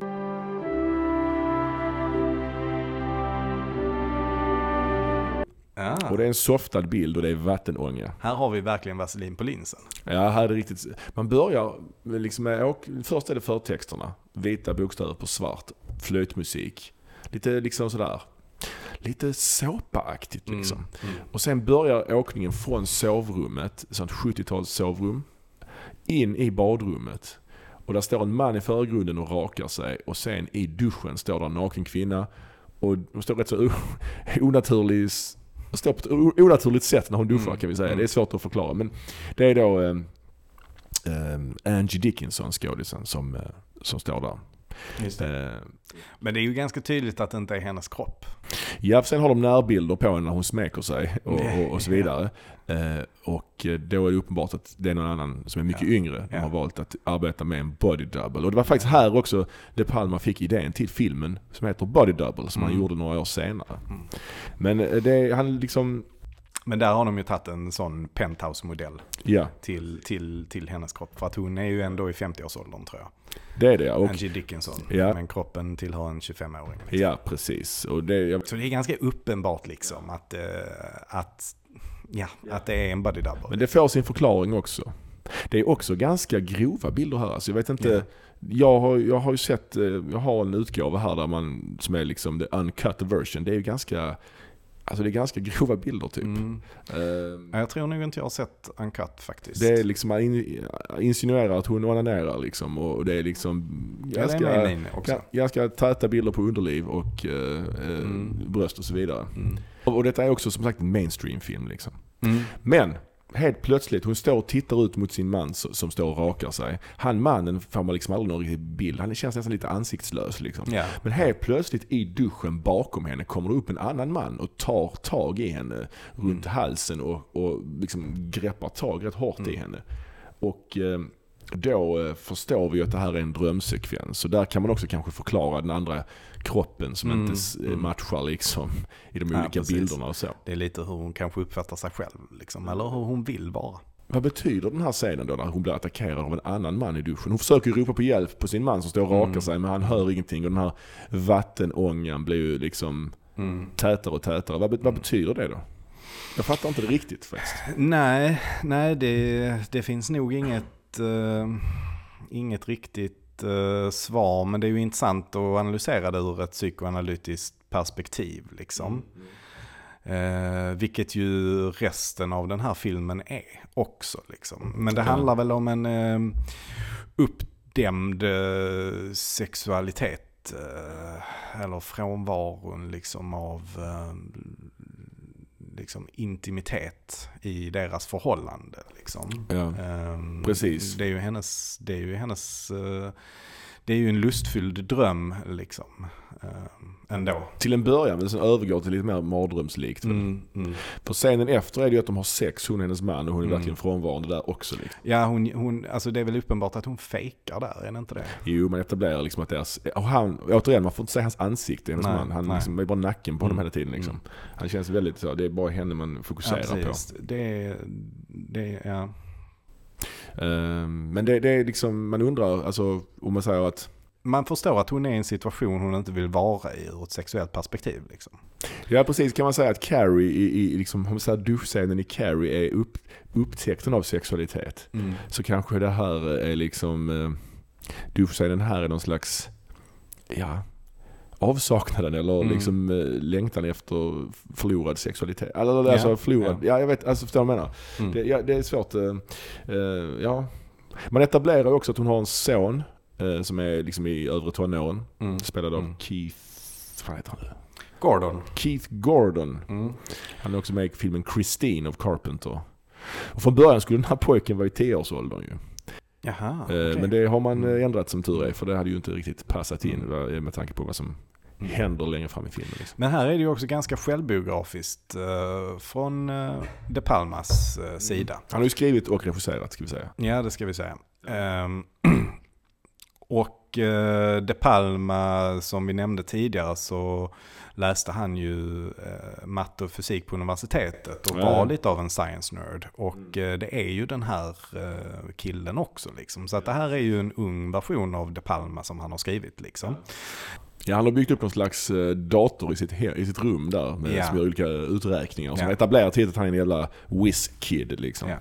Och sen så var det också så att Brian De Palmas egna föräldrar genomgick en, eh, en tuff period liksom och skilde sig när De Palma var i eh, tonåren. Mm. under den perioden så eh, var ju också De Palmas egen pappa otrogen mot hans mamma. Och De Palma följde ju efter honom och försökte då liksom dokumentera det här genom att spela in honom på film. Eller ta, ta bilder liksom. Och han ja, lyckades med det och, ja, också. Ehm, Ja. Jag tänker Angie Dickinson som Mm. spelar eh, den här huvudrollen då, kvinnan i duschen. mm. Eh, hon, eh, det var ju, han ville faktiskt ha Liv Ullman. Jaså? Men hon tackade nej. Men, men han ville ju ha, han ville ha en folkkär skådespelare. Han ville Mm. ha en ganska känd skådespelare för han, han, han, liksom, han känner att han hinner inte etablera karaktären speciellt mycket innan liksom Mm. storyn drar igång. Mm. Så därför ville han ha ett ansikte som folk kände till. Mm. Och Dickinson hon var, hon var liksom ganska eh, känd. Hon hade, haft en polisserie på tv som var ganska populär. Så hon var liksom känd som den här Mm. rättfärdiga, rätt liksom righteous polis, eh, Mm. polisen. Liksom. Man etablerar ju också att hon går till psykolog och pratar. Så är det, Och just den det. här psykologen spelas ju av Michael Caine. Michael Caine. Eh, och eh, ja, hon berättar ju om sitt eh, äktenskap och hur det inte riktigt funkar. Och hon börjar fråga honom för han attraheras av henne och så vidare. Mm. Mm. Och han tycker hon är attraktiv men han säger att han, han är gift så att det är Mm. liksom inte, inte aktuellt så att säga. Nej. Nej, men han, är, han, han svarar ju, vad ska man säga, han, han, han svarar ju väldigt uh, bokstavligt så på det. Mm. Liksom. Ja, han är ju väldigt så här proffsig om man säger. Exakt, ja. Ja. Han svarar väldigt proffsigt. Yes, I find you attractive. Mm. But I'm married. I, I love my wife. So I can. I want, I don't want to have an affair with you. Och så vidare. Ehm, och det är ju, hon berättar om sina äktenskapliga problem och sen är det en sekvens där hon går till, är på museet Ja. och går omkring och tittar på tavlor.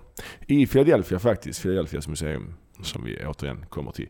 Eh, De Palmas hemstad. Och här är ju, hittar jag ju mycket likheter med Hitchcocks Vertigo. Mm. Där är någon sekvens där hon sitter på en sån här bänk framför en tavla och tittar. Och det är väldigt, eh, bilden ser ut som där Kim Novak eh, sitter i, i Mm. Vertigo. Mm. Eh, och eh, det är en man som sätter sig bredvid henne. Mm. Också ansiktslös. Man får liksom Mm. aldrig riktigt se hur han ser ut. Jo, man får se hur han ser ut. Man har, han har solbriller, men det är aldrig några riktigt tydliga närbilder på honom. Han liksom är där bara, på något sätt. Det är alltid, allt fokus är på henne hela tiden. Hon visar sin ring, eh, att, att, eh, Att hon är gift. att hon är gift, ja. Ehm, och eh, sen, sen så tappar hon sin handske när hon går därifrån. Mm. Eh, och eh, sen börjar hon liksom gå omkring där inne och leta efter honom. Man säger att han tar upp handsken också Mm. och går efter henne och de liksom letar efter varandra där inne. Sen är det en sekvens där han har på sig hennes handske och tar henne på axeln. Mm. Han försöker väl överraska henne att jag har Mm. din handske, då blir hon skiträdd. och, och eh, sen så får man liksom säga att hon får en liten flashback. Och där har han split screen igen att hon tänker tillbaka så att hon tappar handsken. Mm. Man säger handsken Mm. igen tappas liksom i split screen. Och då tänker hon, aha han hade min handske. Och då börjar hon leta efter honom. Ja men det blir en rätt så märklig så här katt och råtta-lek. Ja, liksom. väldigt märklig. Där först, eh, först följer han efter henne och sen så följer hon efter honom. Och sen så försvinner han helt plötsligt och sen hittar hon honom igen. Och ja. hon går fram och tillbaka där.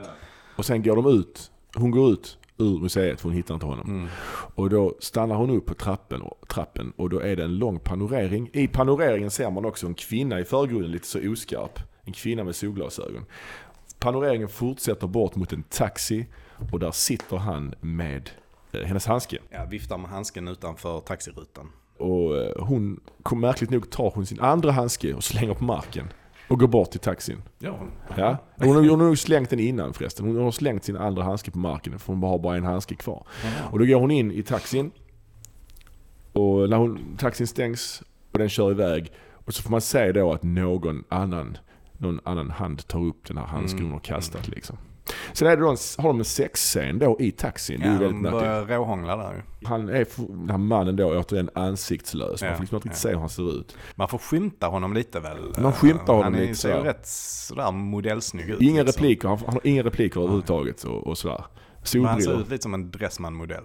Och eh, ja, sen hänger hon ju med honom hem. Han, alltså så efter den här Mm. sexscenen i taxin. Hon, han drar av trosorna på henne och sånt i taxin liksom. Ja, ja, ja. Det är mycket sånt.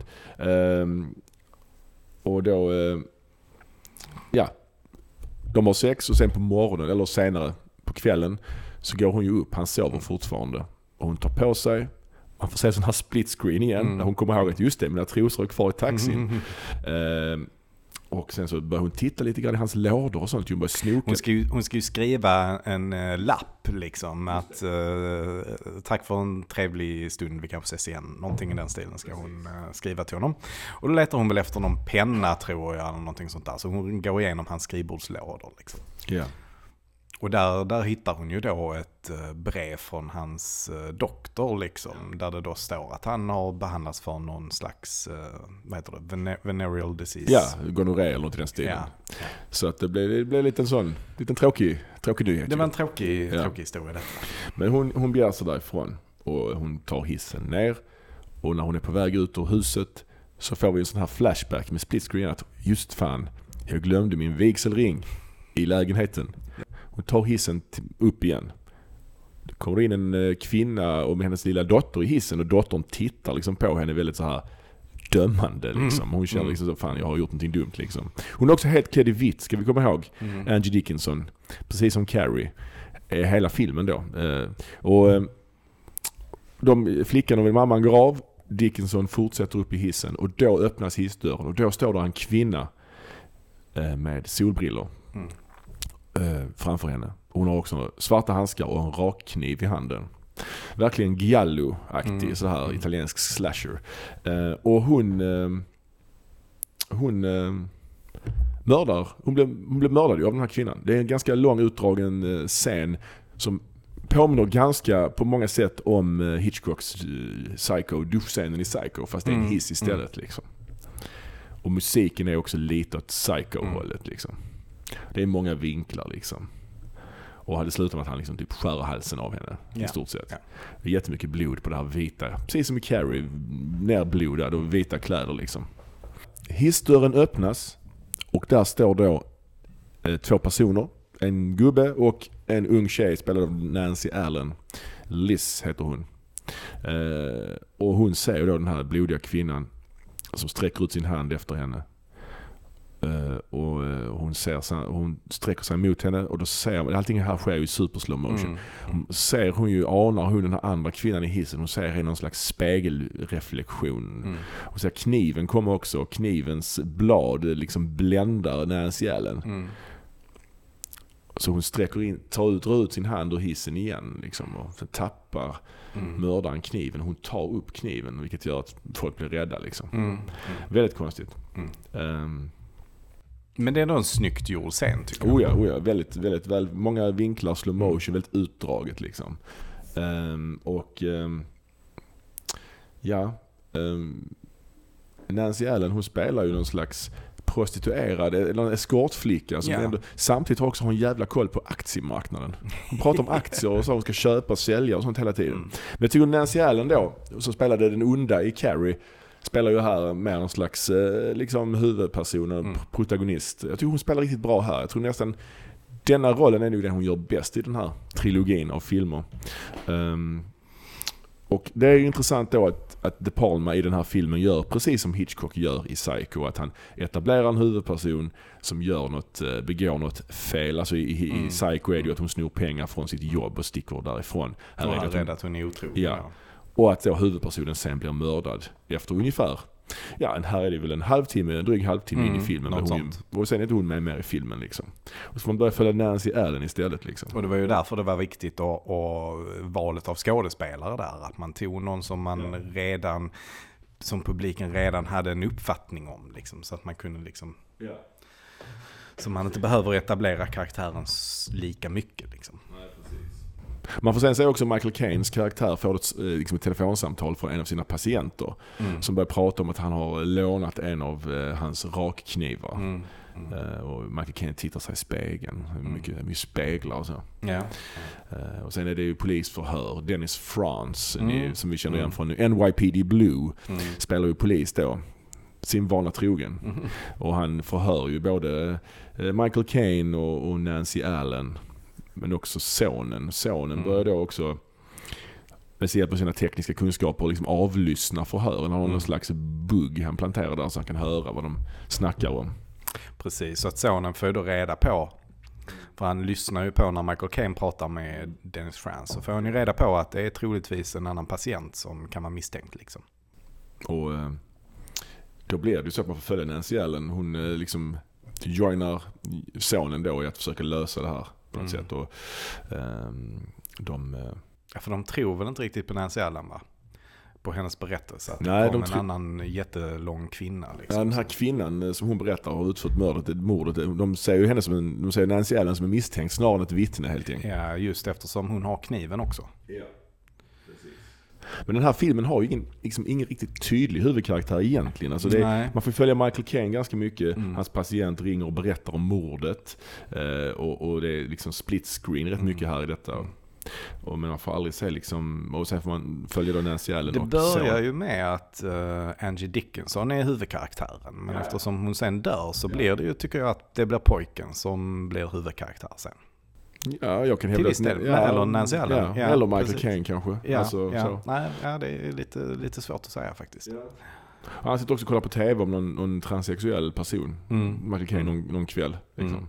Ehm, sen är det också en lång jaktscen. Den här kvinnan med solglasögonen jagar ju Nancy Allen. Eh, Mm. följer efter hennes taxi och de springer ner i tunnelbanan. Och eh, Mm. Precis när hon ska liksom, hon står mellan vagnarna, Nancy Allen gömmer sig. Och då dyker den här kvinnan upp bakom med den här, rak, den här Mm. rakkniven. Mm. Eller någon annan kniv. Och då kommer sonen och räddar henne med, med brandsläckare för mig. Mm. Och, eh, Ja men den, eh, den, är rätt, den är rätt bra spännande den ja. jaktscenen. För han, han säger att han har ju sett den här kvinnan komma ut ur Michael Caines kontor liksom. Mm. Och han, För, för det är ju så att han, eh, eftersom pojken har avlyssnat eh, det här eh, eh, samtalet med Michael Caine och Dennis Franz eh, så bestämmer han sig ju för att eh, liksom spana på vem som går in och ut från eh, den här mottagningen till psykologen. Och eh, då med hjälp av sina sådana här vetenskapliga science-kunskaper liksom, så, så bygger han ju någon form av spionutrustning där. Liksom. ja, så, sätter på cykel, på en moped, pakethållaren på på mopeden som Ja. parkerar utanför. Och, Precis, så han eh, liksom eh, eh, spelar in film då på vem som går in och ut därifrån. Eh, vilket ju också finns en likhet till hur De Palma själv gjorde ju med, Ja. med sin egen pappa då. Ehm, och ja, nej, men den här pojken han säger då att eh, den här kvinnan kommer ut från eh, psykologmottagningen. Och förföljer henne. och då, vill ju, då vill de ju sen ta reda på eh, vem är den här kvinnan? Vad heter kvinnan? Och de Mm. ska då, Nancy Allen och eh, sonen då till Angie Dickinson, de ska ta sig in på Michael Caines mottagning för att ta reda på namnet liksom. Mm. Och eh, det gör de genom att eh, ja, hon, hon ska försöka liksom förföra Michael Caine. Mm. Och eh, liksom, medan han är i ett annat rum ska hon kolla igenom hans eh, mappsystem och hitta Mm. liksom, vem det är den här personen. Samtidigt så som sonen då står utanför med kikare och tittar in i, för han har, hans mottagning är liksom på första våningen, nästan en trappa ner, en halv Mm. trappa ner, nästan halvkällare. Ja. Eh, Sådär. Eh, Och det regnar jättemycket, Mm. så supermycket regn, helt galet. Oscar gör också jättemycket blixtar, skräckfilmsblixtar liksom. Och de har en lång dialog huruvida de är attraherade till varandra, Michael Caine och Nancy Allen. Han tittar i en spegel han har på bordet hela tiden också. Liksom. Ehm, och ehm, hon går in och han ska liksom klä av sig. Då går hon in samtidigt och ska kolla igenom telefonnummerna. Mm. Och sen går hon ut och då är det nersläckt i rummet. Liksom, och då ser man sonen stå utanför och titta. Mm. Samtidigt så, Nancy Allen, han försöker titta in, han, han ser inte så mycket nu för att det är så mörkt där inne. Så han måste gå närmare fönstret. Och då kommer någon upp bakom honom med svarta handskar och tar tag i honom. Mm. Undrar man, vem fan är det? Och samtidigt då så tornar den här kvinnan upp sig bakom Nancy Allen inne i, inne i rummet där. Mm. Och det är då Michael Caine som är utklädd till kvinna. Och han ska attackera henne och då blir han skjuten av den här andra kvinnan som är utanför fönstret. Eh, Det, det, Mm. det är ganska förvirrande. Ja. Alltså helt plötsligt är det två kvinnor med svarta handskar. Ja, ja. Och sen, ja. Han, han blev skjuten och liksom, de klarar sig. Men eh, man får då reda på att det är Michael Caine som har klätt ut sig till kvinna och Michael Caine, Michael in a dress. Exakt. Och de har någon slags eh, scen, eh, också påminner lite grann om sista scenen i, Psycho, där de pratar om Norman Bates och hans tillstånd liksom på polisstationen. Och det visade sig att de har haft en annan polis som är eh, eh, transperson, Mm. som de har låtit förfölja Nancy Allen. Så ibland har det varit den polisen och ibland har det varit liksom Michael Caines eh, transperson. Mm. Eh, så att det är lite förvirrande. Det är inte helt vattentätt skulle jag säga. Det, blir lite, lite för mycket kanske. Ja, det blir det. Det blir det. Och då liksom försöker de förklara hans beteende, Michael Caine, så att han liksom är, han är en transperson där hans kvinnliga sida bestraffar hans manliga liksom, eller så. Ja, men det blir ju det när, när, eh, när, alltså, när han, alltså han är ju en transperson och när han då blir attraherad av andra kvinnor liksom. Så känner han sig ju manlig liksom. Så att han, det, och det vill han inte liksom. Eh, för att då, ja, då får han ju de manliga sexuella drifterna liksom.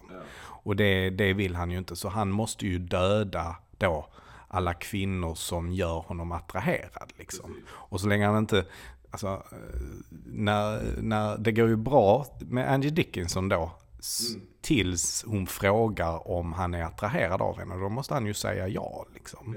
Och det är ju först då han får ett behov av att döda henne. Liksom. Precis. Och samma sak med Nancy Allen då. Ja, precis. Hon indikerar ju att han har erektion också. Ja, innan ja. hon går och ska byta eller leta upp det här namnet i Ja. hans arkiv. Eh, och då, när hon kommer ut så har han då bytt om till den kvinnliga Det är ju...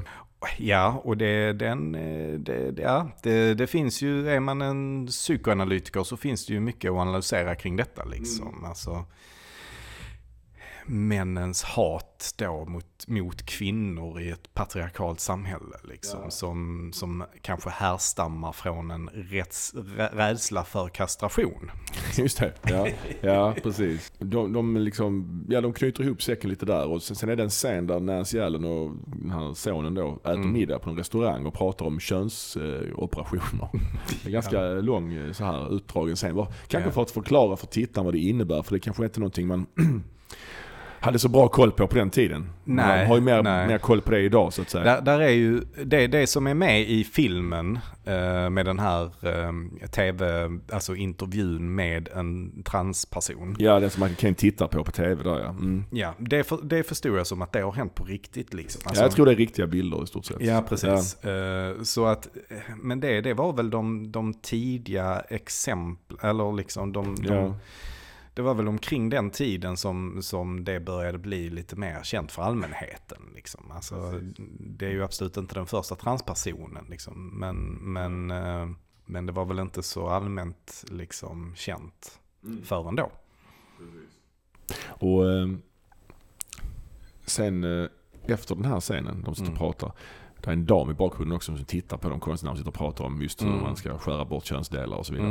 Mm. Efter den här scenen så är det en, en nattscen på ett mentalsjukhus som är som Mm. om, från en skräckfilm. Mm. Där Michael Caine då ligger intagen på Mm. något slags mentalsjukhus. Här ligger en stor sovsal. Mm. Och där kommer fram en eh, sköterska och ska liksom sätta någonting vid hans bord. Och då tar han tag i henne och bara stryper henne. Och alla Mm. andra intagna står och bara hejar på. Det är jätteså blixtrar och det är väldigt så skräckigt. Det känns lite som någonting från Batman. Liksom. Ja, verkligen. Arkham känns- Asylum. Ja, Ja, precis. Arkham Asylum. Och folk bara står, här galningarna står där och dreglar och skriker när han stryper Ja, henne. Liksom. Och sen, efter det, så har vi en, eh, en point of view shot eh, utanför det huset där då Nancy Allen och eh, den här sonen då är. Mm. Man fattar att någon som är utanför tittar liksom in. Återigen det här voyeuristiska. Mm. Eh, och hon, Nancy Allen då, som för övrigt var gift med De Palma vid den här tiden. Mm. eh, går in och tar en dusch. Så återigen duschen. Förra filmen Carrie inleddes ju med den här duschsekvensen och avslutas faktiskt också i ett badrum när hon, kan man säga, tvättar av sig blodet ju. Här filmen börjar också med en duschsekvens och avslutas med en duschsekvens. Mm. Och det är ju då Nancy Allen som ställer sig i duschen. Och eh, vi, börjar, vi ser ju ur mördarens point of view lite grann här och så. Och eh, hon börjar också märka att det är någonting som är på tok. Hon ser ett par vita sådana här sjuksköterskeskor stå utanför hennes eh, badrum. Liksom. Att det är någon som är utanför och ser skorna sticker fram. Liksom. Och eh, vi fattar ju att det är Michael Caine som har rymt liksom. Men sen så allt eftersom det här fortgår, hon går ut, det är slow motion, hon försöker låtsas som att hon inte fattar att någon är där. Mm. Men sen får vi se ur, ur en annan vinkel och ser vi att skorna bara står där tomma liksom. Att eh, mördaren så att säga, eller personen i fråga har tagit av sig skorna och ställt dem där som en slags eh, diversion. Mm. Och hon står och tittar och då dyker den här eh, Michael Caine upp bakom henne med den här rakkniven och bara skär halsen av henne. Varpå då hon vaknar. Mm.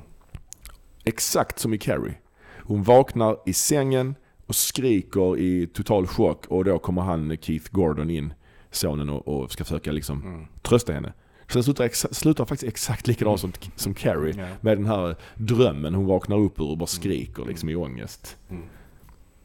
Så Ja, det, men det är ett fint sätt att knyta ihop säcken på något sätt. Och Mm. knyta, knyta, alltså både, både i filmen liksom, att det börjar och slutar med en duschscen. Även om det inte exakt sista scenen är en duschscen så är det ju med absolutet liksom. Men även att det blir en koppling till Carrie liksom. Och det är liksom, den är gjord 1980 så det är liksom så fortfarande 70-tal men man Mm. hintar liksom 80-talets estetik börjar hintas. Liksom Mm. murrigt liksom, det är ändå stilrent samtidigt liksom. Liksom designermöbler fast kanske Mm. med heltäckningsmatta typ Mhm. sådär. Ehm, så att det, ja det, är- det, vad tycker du om den här filmen då? Ehm, ja, nej men eh, av de här tre som vi ska behandla så tycker jag väl kanske det är den svagaste. Men jag tycker det är en, eh, jag tycker den är intressant liksom. Jag tycker den är, den är väldigt visuellt tilltalande i, på, på vissa ställen. Liksom. Mm.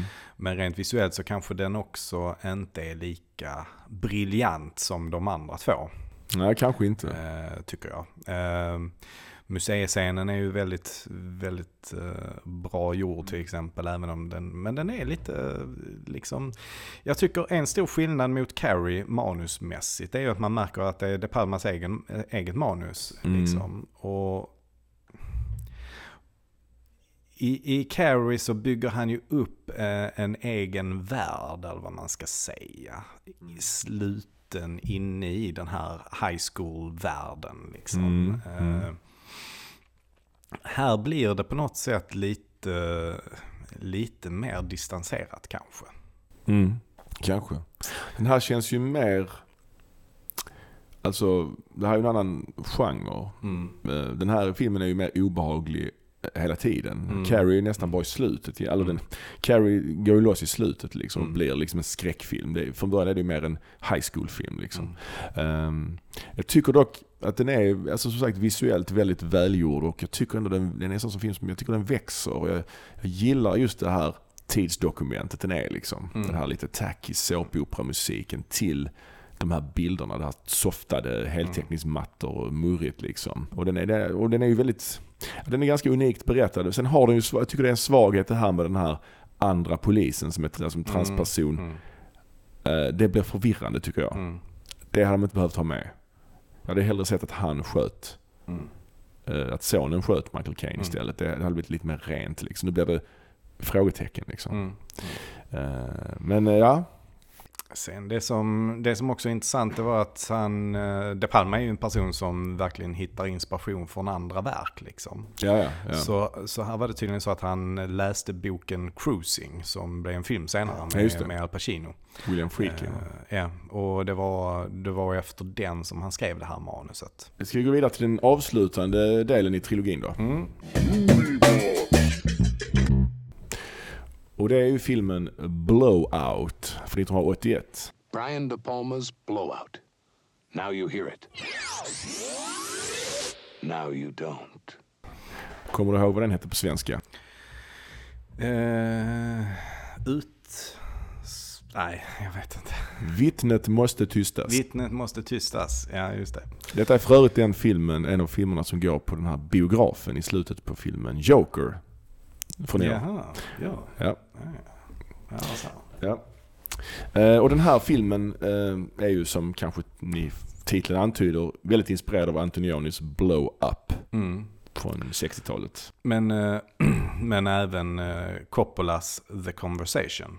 Ja, som kom bara några år tidigare. Som Ja, kom väl som typ, kom 74. ja. Så det är ju ändå sju års eh, skillnad på dem då liksom. Och en intressant sak där, det är ju till att börja med De Palmas eget manus som han har skrivit. Eh, precis som till Dress to Kill. Ja. Eh, men en intressant sak är ju att eh, 1974 när eh, Coppola eh, liksom eh, är aktuell med The Conversation så, så finns det en intervju med, eh, som De Palma gör. Så att Mhm. De Palma intervjuar Coppola om The Conversation. Aha. ja. Och det, det är liksom så himla tydligt var idén kommer ifrån. Ja, liksom. ja. ja. För att de är ju väldigt lika i att båda två liksom kretsar kring, kring ljud, liksom ljudupptagningar. Liksom. Mm, Även om mm. det ändå är skillnader. Liksom, så. Ja, och den den här filmen eh, är ju en politisk liksom, thriller, kom, Mm. konspirationsthriller lite Mm. grann. Den är lite inspirerad av den här Chappaquiddick-incidenten när Mm. han Ted Kennedy kraschade med en bil. Eh, kraschade med en bil, säger man så? Han körde av vägen med en bil ner i vatten. Va? Han en kvinna med i Mm. bilen eh, som dog. Mm. Och han väntade ganska länge med att rapportera att detta hade hänt. Mm. Och det gjorde ju då att han aldrig blev eh, nominerad till presidentkandidat. I president. Alltså han var ju Mm. aktuell att bli Demokraternas liksom, kandidat, men det, det blev aldrig så. Och det finns ju även eh, kopplingar till JFK, eh, alltså mordet på JFK också, Ja, det kan absolut. kan man säga. Eh, Men vi kan ju bara snabbt säga vad Blow Up, Blow, Up och Conversation handlar om kanske. Blow Up är ju en film som gjordes av, var det Antonioni, Michelangelo Antonioni ja. ja, som gjorde den i, på 60-talet. Och den utspelar sig i London och det är en modefotograf som, eh, som tar en bild då. Och när han, eh, den bilden är tagen utomhus. Och eh, när han då förstorar upp den här bilden så ser han ju liksom en mördare i bakgrunden kan man säga. Liksom. Och det är det den filmen kretsar kring. Att han liksom har lyckats dokumentera ett mord utan att veta om det. Liksom. Kan man väl säga. Så först så ser han liksom eh, ansiktet i buskarna. Liksom. Man, det är så långt bort så man ser det knappt. Liksom. Men man kan skönja ett ansikte och sen lite längre ner så ser man även att den här personen håller en pistol. Liksom. Och det blir då någonting som han får för sig att han ska undersöka då, den här fotografen. Och den här filmen är väldigt så här, swinging London, är det inte det? Jo, jo. Väldigt så. Eh, och den här planschen till filmen, den här röda planschen. Ikonisk plansch. Ikonisk plansch. Vanessa Redgrave va? Och Ja, David. David, Hemmings. ja.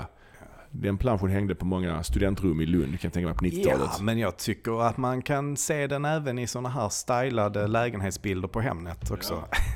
Ja. I alla fall gjorde man det för några år sedan. Ja, planschen är mer känd än filmen nästan. Ja, det är det. Absolut. Och sen har vi då en annan film på samma tema som heter The Conversation, eller Avlyssningen av eh, Francis Ford Coppola då med Guldpalmsvinnare faktiskt. Mm. Med eh, Gene Hackman i huvudrollen som handlar om en kille som Surveillance-expert. han säljer avlyssningsutrustning. Sen upptäcker han att han själv börjar bli förföljd. Mm. Ja. Och om vi då ska gå till Blowout då. Ja. Den, den eh, inleds med en point of view-åkning. Voyeuristisk point of view-åkning. Inte helt olik lik den som är i slutet på Dress to kill. Mm. Man är utanför ett hus, man är utanför en slags eh, eh, ett studenthem Mm. eh, där folk eh, festar och gör annat också. Någon som ligger och, och röker på och så vidare.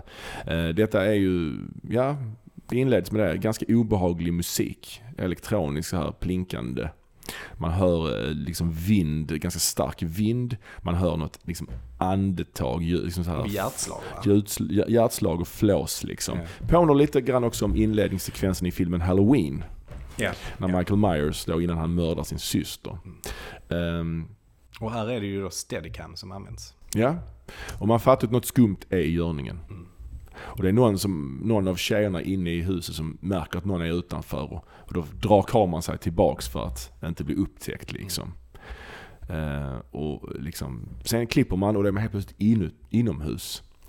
Och eh, den här åkningen fortsätter och eh, personen då som vi, var, ur vars ögon vi får se, lyckas liksom smyga förbi alla utan att bli upptäckt. Liksom. Och sen går ju personen givetvis in i duschrummet. Ehm, han går in, han stannar upp vid speglarna och tittar in i spegeln. Vi får se hur den här personen ser ut. Och han ser ju rätt märklig ut. Han ser märklig ut, han har liksom huvudet på sned lite grann, lite så här hämtehår. Har han det? Kan man säga det? Comb over, glasögon och en stor kniv i handen. Liksom. Han är inte fredlig. Han är inte där, han har inga fredliga avsikter, Nej. det kan vi inte säga. Och han går in i duschrummet och där står ju en tjej och duschar. Precis som i de andra två tidigare filmerna i den här duschtrilogin som vi kallar den.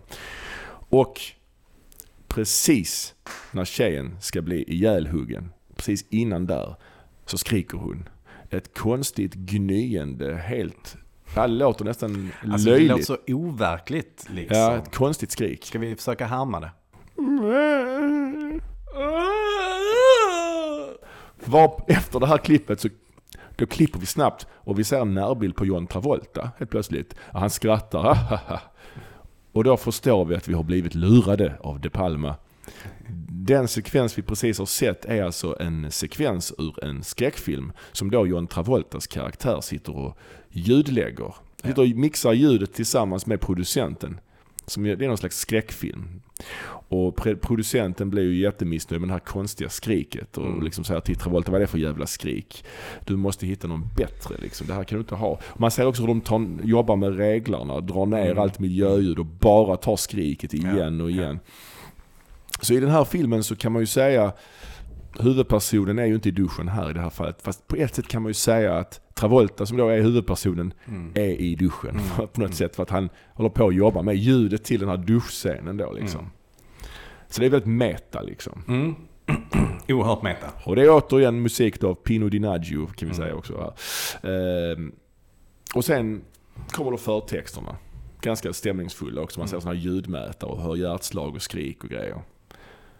Och sen så under förtexterna så får man då följa Travolta när han håller på, på sitt, eh, i sin lilla ljudverkstad. Han håller på att packa sin väska och han det är ju väldigt analogt här. Det är ju innan den digitala revolutionen så det är mycket band och sånt. Han skriver Men han, upp.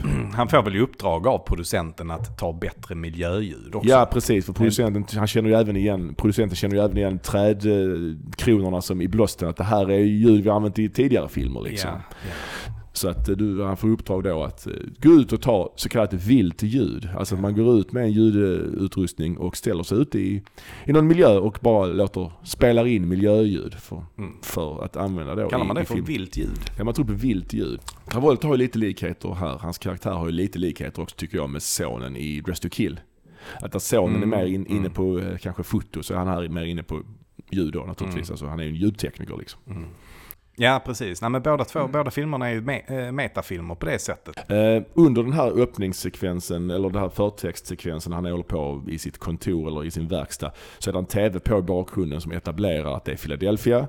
De, har, de ska fira det här Liberty Day, som de gör varje år i Philadelphia, som är lite så här parad och lite 4th of July-aktigt fast på vintern. Liksom.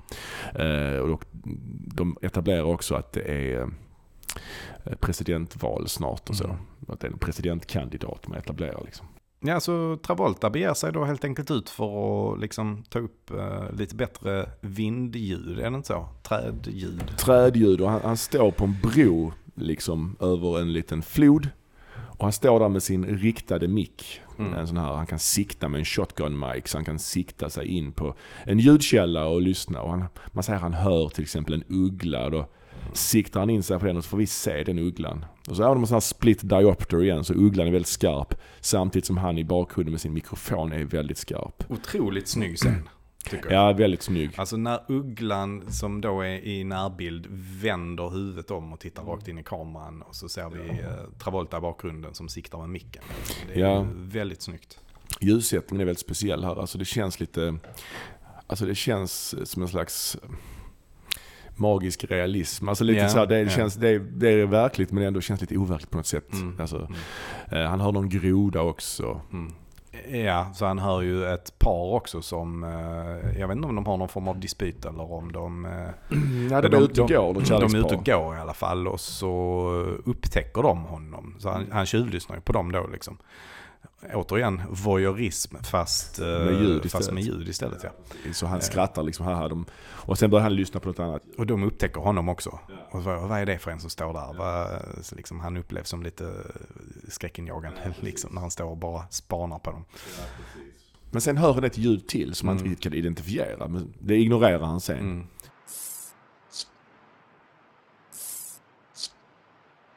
Helt plötsligt kommer det ju en bil körande. Mm. Och den här bilen eh, kraschar. Mm. Kör av vägen och kraschar ner i vattnet. Och Travolta hoppar ner eh, Mm. och, och simmar ut mot den sjunkande bilen. Samtidigt får vi också se en person i bakgrunden som, Mm. som gömmer sig, eller som är på väg därifrån.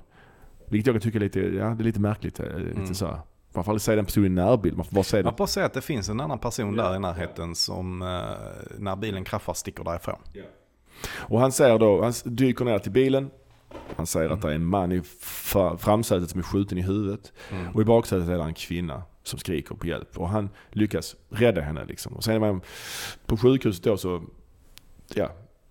Så träffar han henne igen, den här kvinnan då som han har räddat. Hon är lite så drogad nu. Och så. Hon, det är Nancy Allen som spelar henne. Så då är det ju då, är det ju då andra gången som, eh, Nancy Allen minns vi ju att han, hon var ju gift med De Palma. Och då är det ju då andra gången som De Palma kastar henne som en eh, prostituerad ju. Ja, Vi det, vet ju dock inte än att hon är prostituerad, men, eh, men det är hon i alla fall. ja, det är konstigt alltså. Och eh, hon heter Sally i den här filmen. Och hon spelar väldigt märkligt. Hon spelar nästan lite, hon känns väldigt, eh, alltså hon pratar sävligt. Nu har jag sagt drogad i den här första scenen, men även längre fram i filmen. Hon verkar lite, inte helt superintelligent kan vi inte säga. Nej, nej, det kan man säga. Hon spelar, jag tycker hon, det är inte bra regi här. Alltså det är, för jag vet, hon är ju jättebra i, i Dress to kill, men här funkar det inte riktigt. Nej, men hon ska ju spela en karaktär som är som inte är så himla smart liksom, ganska dum. Och det tycker jag är intressant. Om vi då tittar på Carrie så spelar ju Nancy Allen och Travolta ett, eh, i Carrie så är de ju också ett par. Och där är ju Travolta väldigt, eh, ganska dum ju. Medan Nancy Allen är drivande och utnyttjar Travolta. Medan här så är det då Nancy Allen som spelar dum och Travolta som faktiskt utnyttjar henne. Precis, och det är tvärtom. Eh, Så det är liksom. tvärtom. Det Ja. tycker jag ändå är lite intressant med det. Ja. Men jag håller med. Hennes rollprestation kan man diskutera. Jag tror att jag tycker att jag störde mig nog mer på det första gången. Liksom. Men andra gången jag såg det så kan jag, jag kan lite mer köpa var hon kommer ifrån. Liksom, vad det är hon försöker uppnå. För att hon ska ju spela en väldigt naiv, eh, naiv tjej. Liksom, som, inte, som inte riktigt, ja, som inte är så smart helt enkelt. Och på sjukhuset så träffar han en man då som säger att, eh, liksom, som förhör honom lite grann och ber, Mm. honom, ber honom bortse från att det var den här kvinnan han räddade i Mm. bilen. Ehm, och eh, han, han har ju också hört ett skott Mm. innan bilen kraschar. Men då hävdar ju de att det var en sån här blowout. En, eh, Men det var en blowout också. Men han hävdar att det var ett skott först. Mm. Liksom. Men de, hävdar, de säger bara, bry dig inte om att det var en kvinna, hon nämnde inte henne. Liksom. Och för att den här killen som var skjuten i bilen, det är ju då den här guvernören som, som, eh, Som liksom, ska ställa upp i ja, presidentvalet. som med stor sannolikhet hade vunnit enligt dem då. Ja. Liksom. Ja. Sen, eh, ja längre fram så, så får man se en sekvens där han sitter och lyssnar igenom sina band då för att rekonstruera det han har hört. Mm. då, det är en rätt snygg scen också. Han sitter liksom med, med en penna i handen istället för sin mikrofon. Mm. Och så får man se liksom en flashback. Och då är den flashbacken gjord lite grann ur mikrofonens perspektiv. Mhm. Så när han flyttar Mm. den här pennan så får man se att kameran flyttar sig i flashbacken i samma riktning. Liksom. Mm. Så det är samma scen igen fast ur. Och så är det någon sån super slow motion närbild på däcket liksom. Mm. med green screen eller blue screen. Man får se Travoltas huvud i för- förgrunden och han lyssnar liksom. Och Mm. Man ser hur däcket blir skjutet och blir hål i däcket liksom. Så det är, det är snyggt. Och vi får också Mm. höra det här liksom ljudet han, han inte riktigt kan förstå. Mm. Så man, får, man får också sen efter det sen, jag kan ju säga det att, att liksom, den här filmen går mycket i färgerna rött, vitt och blått. Ja. Red, white and blue, eh, amerikanska Fra- flaggan. Franska flaggan. Ja precis, franska flaggan. Ja, men efter, ja precis, ja, men efter Liberty Day så det är mycket genomgående tema. Ja. Eh, Med, med liksom, scenografi, kostym och så vidare, ljus liksom. Ehm, man får, det är en sekvens också man får se den här bilen då som har fiskat upp. Där någon, man får höra det här konstiga ljudet igen. Mm. Och någon kommer in och byter ut det här däcket med hål i bara för att liksom sopa igen bevisen. Liksom. Ja, nej, men det är intressant med det här ljudet tycker jag. För att man kan liksom verkligen inte alls... Det är ett väldigt signifikant ljud som inte låter som något annat. Man kan inte heller förstå vad det är för någonting. Liksom. Det är väldigt... eh, Det låter ungefär som man sådana här leksaker med ett snöre man drar i. Mm. Fast snabbare. Ja, det låter... Det är ett raspande ljud på något Ja. sätt. Så. Ja. Ehm, Men det blir en väldigt så bra igenkänningseffekt av det. Alltså att man hör det specifika ljudet då när det hände liksom. Och sen hör man det återigen. Liksom. Det är väldigt snyggt det är. också när han, eh, Travolta, Jack och Sally då de är på det här eh, motellrummet. Så, Mm. ehm, är det filmat utifrån så hör man när hon pratar. Och då är liksom kameran och ljudet utanför fönstret. Mm. Sen klipper man liksom mitt i en mening in. Mm. Så ljudet bara förändras också. Mm. Att man hör, man är i rummet. Så ljudbilden förändras. Det är väldigt snyggt. Men sen är det då någon som har fotat den här bilkraschen Mm. också. Och det är den här personen vi har fått se i bakgrunden när han Mm. hoppar i vattnet. Och det är också Dennis Franz då som spelar honom. Och han har då fotat en bildserie som de då publicerar i tidningen. Mm. Frame by frame. När bilen kraschar i. Varför de nu skulle publicera det, det är jättekonstigt. Frame by frame, så jävla intressant är det ju Mm. Inte. nej. Ja, nej, men här är det lite, det är lite rörigt och det är lite olika svängar där fram och tillbaka. Han bjuder ut henne också lite random. Ja, sådär. det försöker han göra redan där på sjukhuset. Hon är lite ovillig, men, men hon går ändå med på, på, på att träffa henne. Och det handlar väl, eh, träffa honom. Och det handlar väl också lite om att han, han vill han har ju sin teori om vad som hände och han vill ta reda på mer liksom. Och, eh, och så. så det är väl mycket därför eh, som han bjuder ut henne. Sen får vi ju då också reda på att hon, eh, hon har ju något slags, hon känner ju den här personen som har filmat det hela. Alltså Dennis Franz. Ja, de är lite grann in cahoots ju. Ja, ja. Så hon har varit i bilen för att de, ska fot, de skulle egentligen fota henne med den här guvernören och pressa honom på pengar. Mm. Men istället så blev han ju då skjuten, eller Mm. så, bilen kraschar. Eh, Så blev det en annan. Så det är ju en intrikat historia det här liksom. Så han tjänar ju pengar på bilderna men hon, får inga, hon har inte fått några pengar för det. Nej. Sen är det ju också en märklig grej eh, i filmen. Alltså det, helt plötsligt så är det en flashback. Ja. Där man får reda på att Travolta då har jobbat för polisen och hjälpt dem med avlyssning. Det är ju när han, berätt, när han är ute med henne på dejt liksom, så berättar han ju lite vad han har gjort tidigare och sådär. Liksom, sin, sin bakgrund. Så han har inte bara, han har inte bara jobbat inom film utan även för polisen. Liksom. Ja, men det är intressant att den kommer så sent i filmen. Liksom. Eh, den här, alltså för det är ju någonting som beskriver hans eh, karaktär ju. Men det, men det kommer in ganska sent. Eh, Ja, just att man etablerar att det finns flashbacks i filmen Mm, så sent. Det är den enda flashbacken i filmen tror jag. Mm. Och, eh, ja, han berättar då att han varit uppdragen hade han skulle avlyssna. Mm. De skulle bugga en kille som skulle, ja, för maffian då. Och det började bli fel på den här mikrofonen. Ja, det är att han svettas för mycket. Han, han hade, en- Travolta hade inte räknat med att han skulle svettas så mycket. Och då, eh, då blir det någon slags eh, störning. Men det gör, det gör också att han, att han eh, får väldigt ont tror jag. Han, eh, Precis, han blir varm liksom. ja, ja, och han går in på toaletten och ska För ta den, av. får, den får ju kortslutning den Ja, exakt. liksom. Och han blir då mördad för de upptäckt att han är buggad helt enkelt. Ja, det är liksom någonting precis. Travolta bär med, bär med sig Ja, då för liksom. Travolta vill ju förhindra det liksom. Ja. Men han kommer för sent. Men sen så bestämmer då sig Travolta och Nancy Allen för att de ska försöka eh, ta reda på vad det var som egentligen hände. Och då får vi se en annan scen där vi hör det här konstiga ljudet igen. Ja. Och då får vi reda på vad det är för någonting. Mm. Det är nämligen eh, John Lithgow som spelar en eh, karaktär som heter Burke. Som på sin klocka har en liten ögla han kan dra ut, ett snöre liksom. Som man kan strypa folk med liksom. Så det är det man har hört han har dratt ut och in liksom.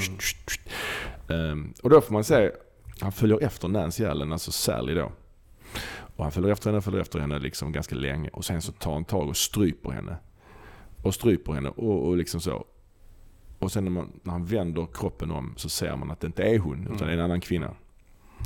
Och det tror jag i och för sig att eh, Burke visste, men det är De Palma som lurar publiken Ja. återigen. Liksom. Ja men det, det visste ju Burke definitivt. För, för sen så berättar han ju varför han gjorde detta. Och det var ju för att han ska liksom skapa en, eh, alltså lägga ut en rökridå. Eh, polisen ska tro att det går omkring en mördare som mördar unga kvinnor. Precis, så han tänker mörda Sally längre fram, men han ska få det se ut som att hon är en del i en seriemördarsvit. Liksom. Ja. Istället för att hon är liksom ett vittne som städas undan. Ja. Vittnet måste tystas.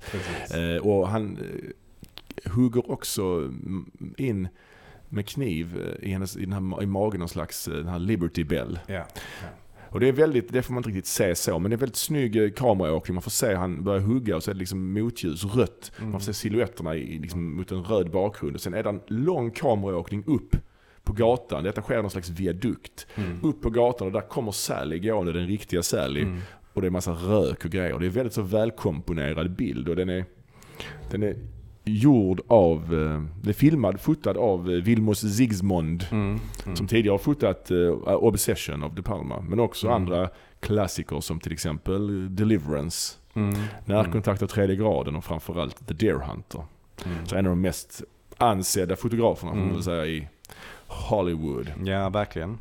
Nej, han är stor, en stor fotograf ju. Då Travolta, han på den här tidningen och klipper ut bilderna och gör någon slags animation av detta. Vilket är såklart är helt omöjligt att göra eftersom det är typ 24 bilder på en sekund. Så han skulle haft en sekunds film, men han får ju mycket, mycket mer film. Och så synkar han det här, det här alltså du fattar vad jag menar? Eller, man- eller, ni fattar vad jag menar hoppas jag. Att han klipper ut de här bilderna i tidningen och sätter ihop det och fotar av dem i en animationsstudio. Och gör en film. Sen tar han sitt eget ljud han har tagit upp och synkar med filmen och får då time, timar då liksom det här skottet för, på um, fotona. så ser man att det är ett litet rökmoln i buskarna som indikerar då att någon har skjutit. Liksom. Och då förstår han att det är något, det är inte en blowout utan det är eh, ett skott. Ja, en blowout på däcket, alltså att däcket eh, har smält.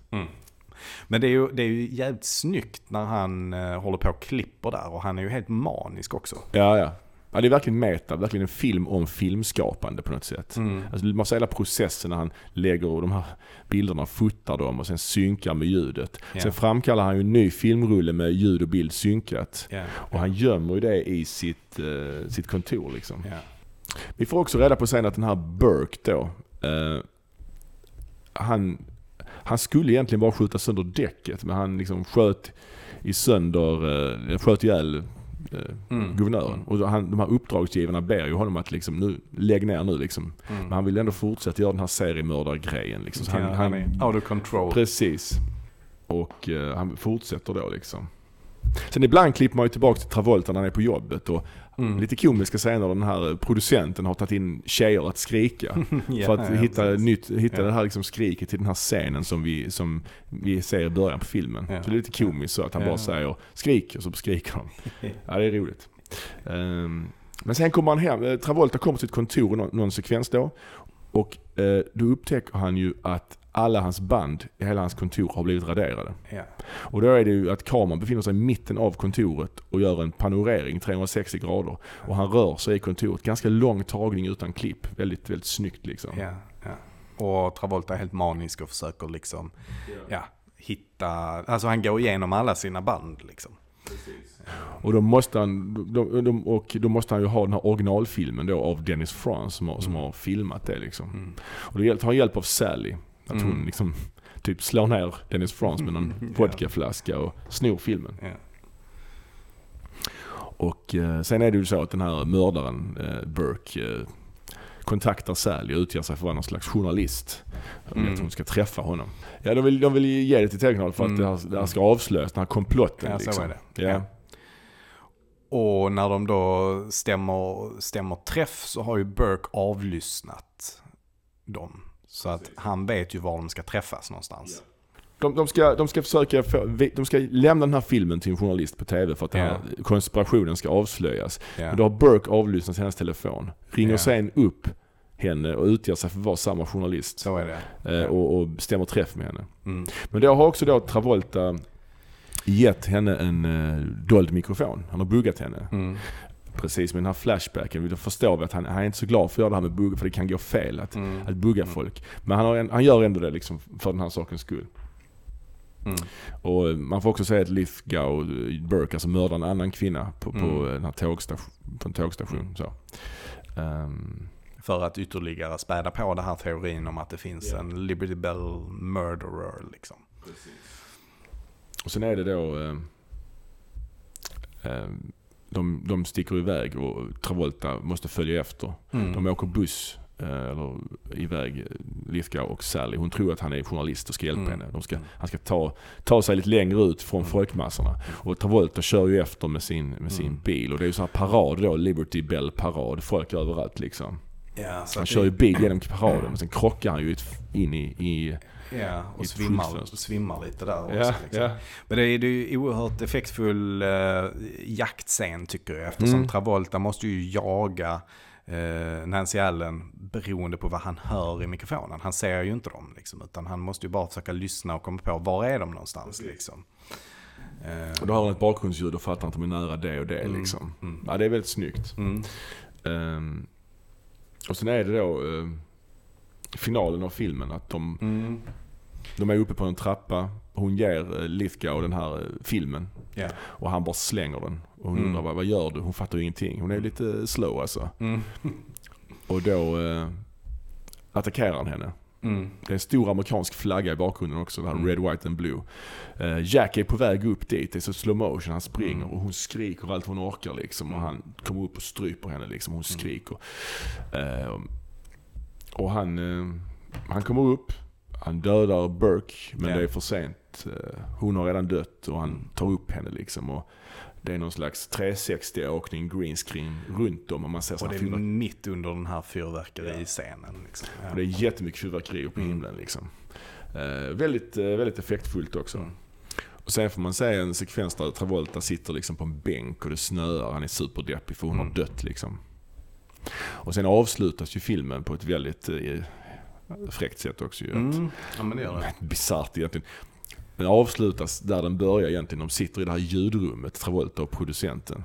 Och då har han tagit Nancy Allens, alltså Sallys dödsskrik. Ja, alltså det verkliga skriket. Det verkliga dödsskriket och lagt in det i den här skräckfilmen ifrån början. Ja. Och då blir han ju, producenten blir jätteglad. Det här är perfekt. That's a scream. Och då säger Travolta, yeah that's a scream. That's a scream. Sitter, så han sitter helt apatisk och börjar liksom massera sina tinningar. Och man säger att han mår inte alls bra. Ja, That's ja. a scream. Ja, nej precis. Han utsätter ju då Nancy Allen för exakt samma sak som han gjorde med eh, när han jobbade på polisen. Liksom. Och även den här gången så klarar han inte att rädda liksom, den han avlyssnar. Liksom. Men det är ju bisarrt att han väljer att ta med det här skriket i filmen. Ja. Det är ju jätte, jättekonstigt. ja, precis. Men återigen, Om det film... nu är så, eller om det är så att det är det skriket Travolta hör. Ja, det har jag inte tänkt på. Nej men det skulle kunna vara ju att eh, han har tagit fram ett annat skrik liksom, men, men Travolta kan bara höra det skriket som han hörde från Ja, det, så kan det faktiskt Det också skulle vara. kunna vara så, men jag tror ändå att det faktiskt, att eh, Travolta är en så pass cynisk person liksom, så att han bara, Ja, eh, att han låter, ja, använda det skriket liksom. ja. ja, den här filmen börjar ju också med en duschscen och slutar i duschen också ju. Samma, Mm. samma scen den här gången då. Mm, Eh, ja, precis. Och sen Ja. så slutar det med att han håller för öronen ju. Innan filmen slutar. Ja. Det är också liksom symboliskt då att ljud, ljudteknikern som inte vill höra någonting. Ja. Liksom efter den här, det han har varit med om, liksom, att han vill bara stänga av allt. Liksom. Det är ju väldigt starkt. Liksom. Mm. Ja, den här filmen den, den blev ju en ekonomisk katastrof när den kom. Ja, alltså, det den blev en flopp. Den är ju väldigt påkostad märker man ju. Ja, det är den. Och där kan man ju säga att den var ju redan från början, hade en eh, relativt bra hög budget. 5-6 miljoner låg den på liksom. Eh, Men sen så kom ju då Travolta in i bilden och ville göra den här filmen med De Palma. Och det tackar ju såklart inte De Palma nej till. Men då blev det helt plötsligt en 20 miljoners budget eh, på den här filmen. För från början hade inte De Palma alls tänkt ha, ha Travolta. Vet du vem han ville ha i huvudrollen? Han tänkte antingen på Al Pacino eller Richard Dreyfuss.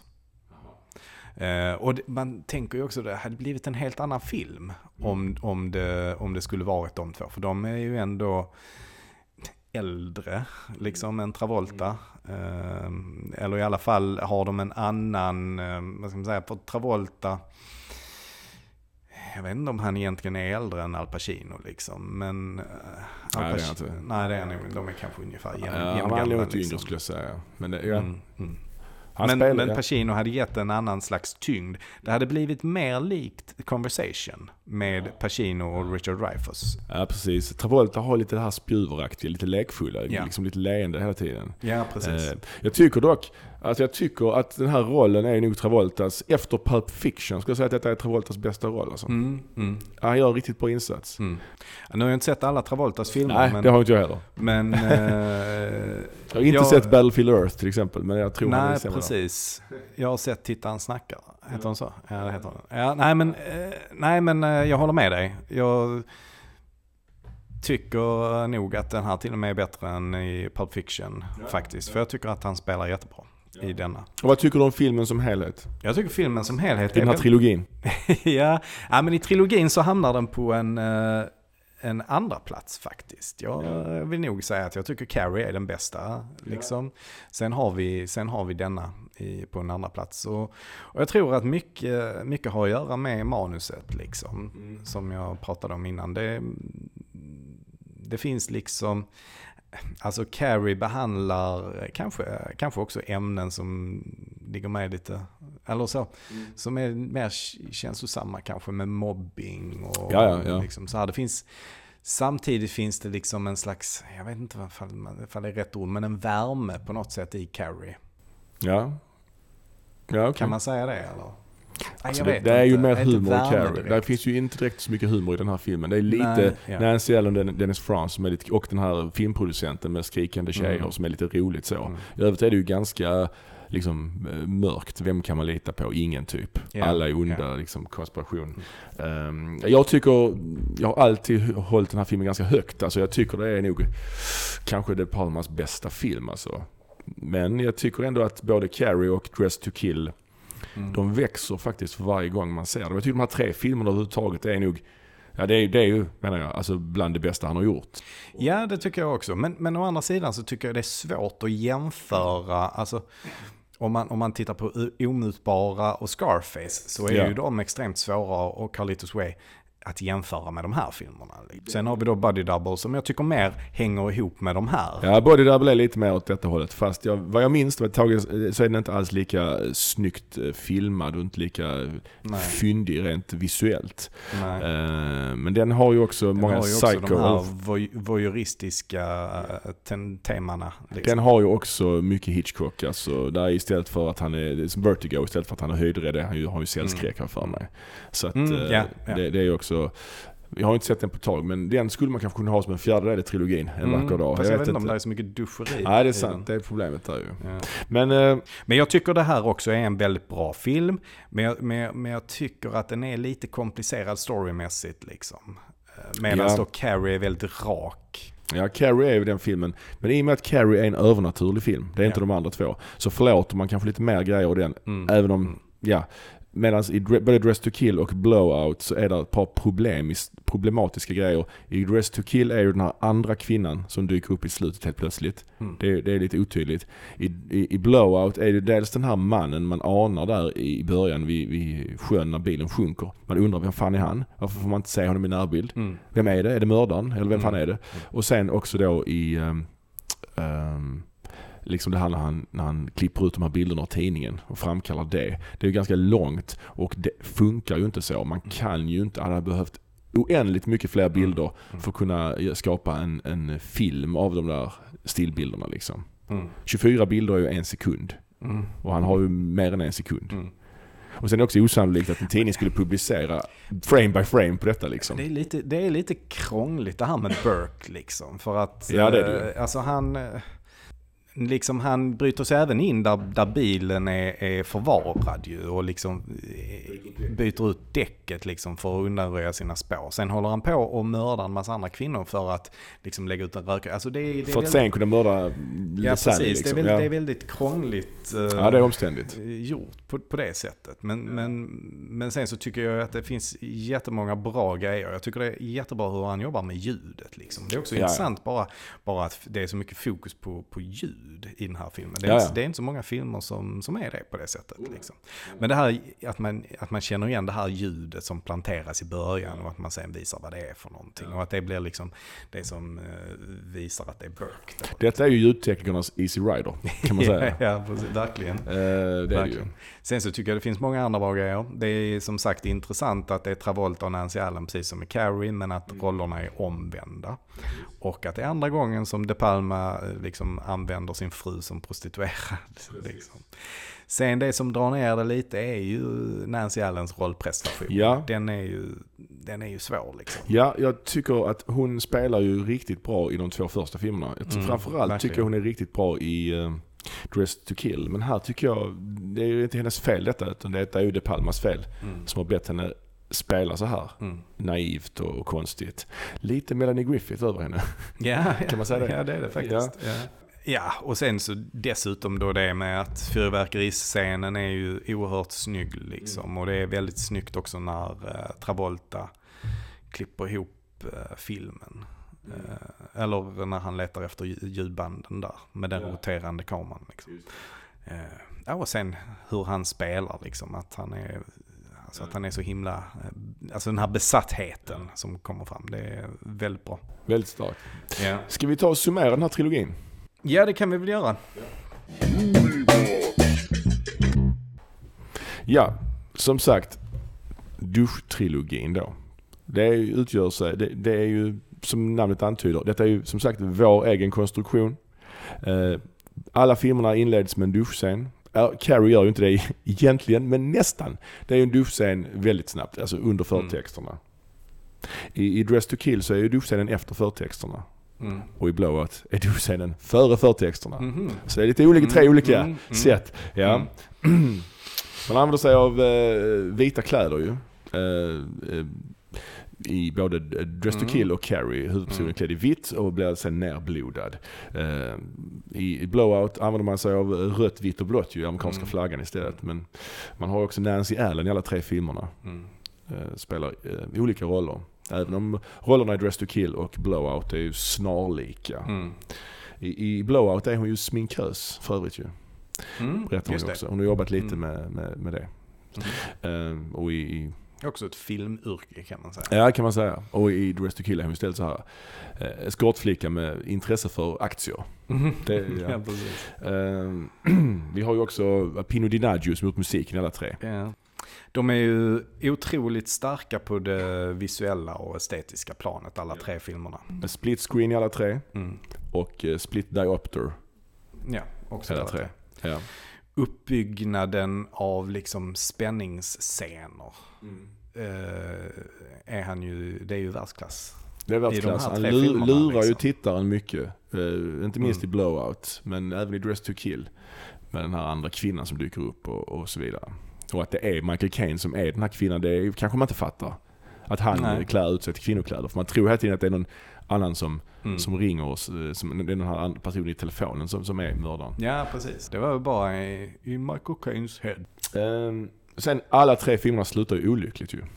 Ja, På något sätt. Även om Dressed to Kill slutar eh, med att de klarar sig, så Mm. får man ändå den här dåliga smaken i munnen, den här drömscenen när hon sen vaknar upp i panik som att hon lider fortfarande av det hon varit Mm. med om. Mm.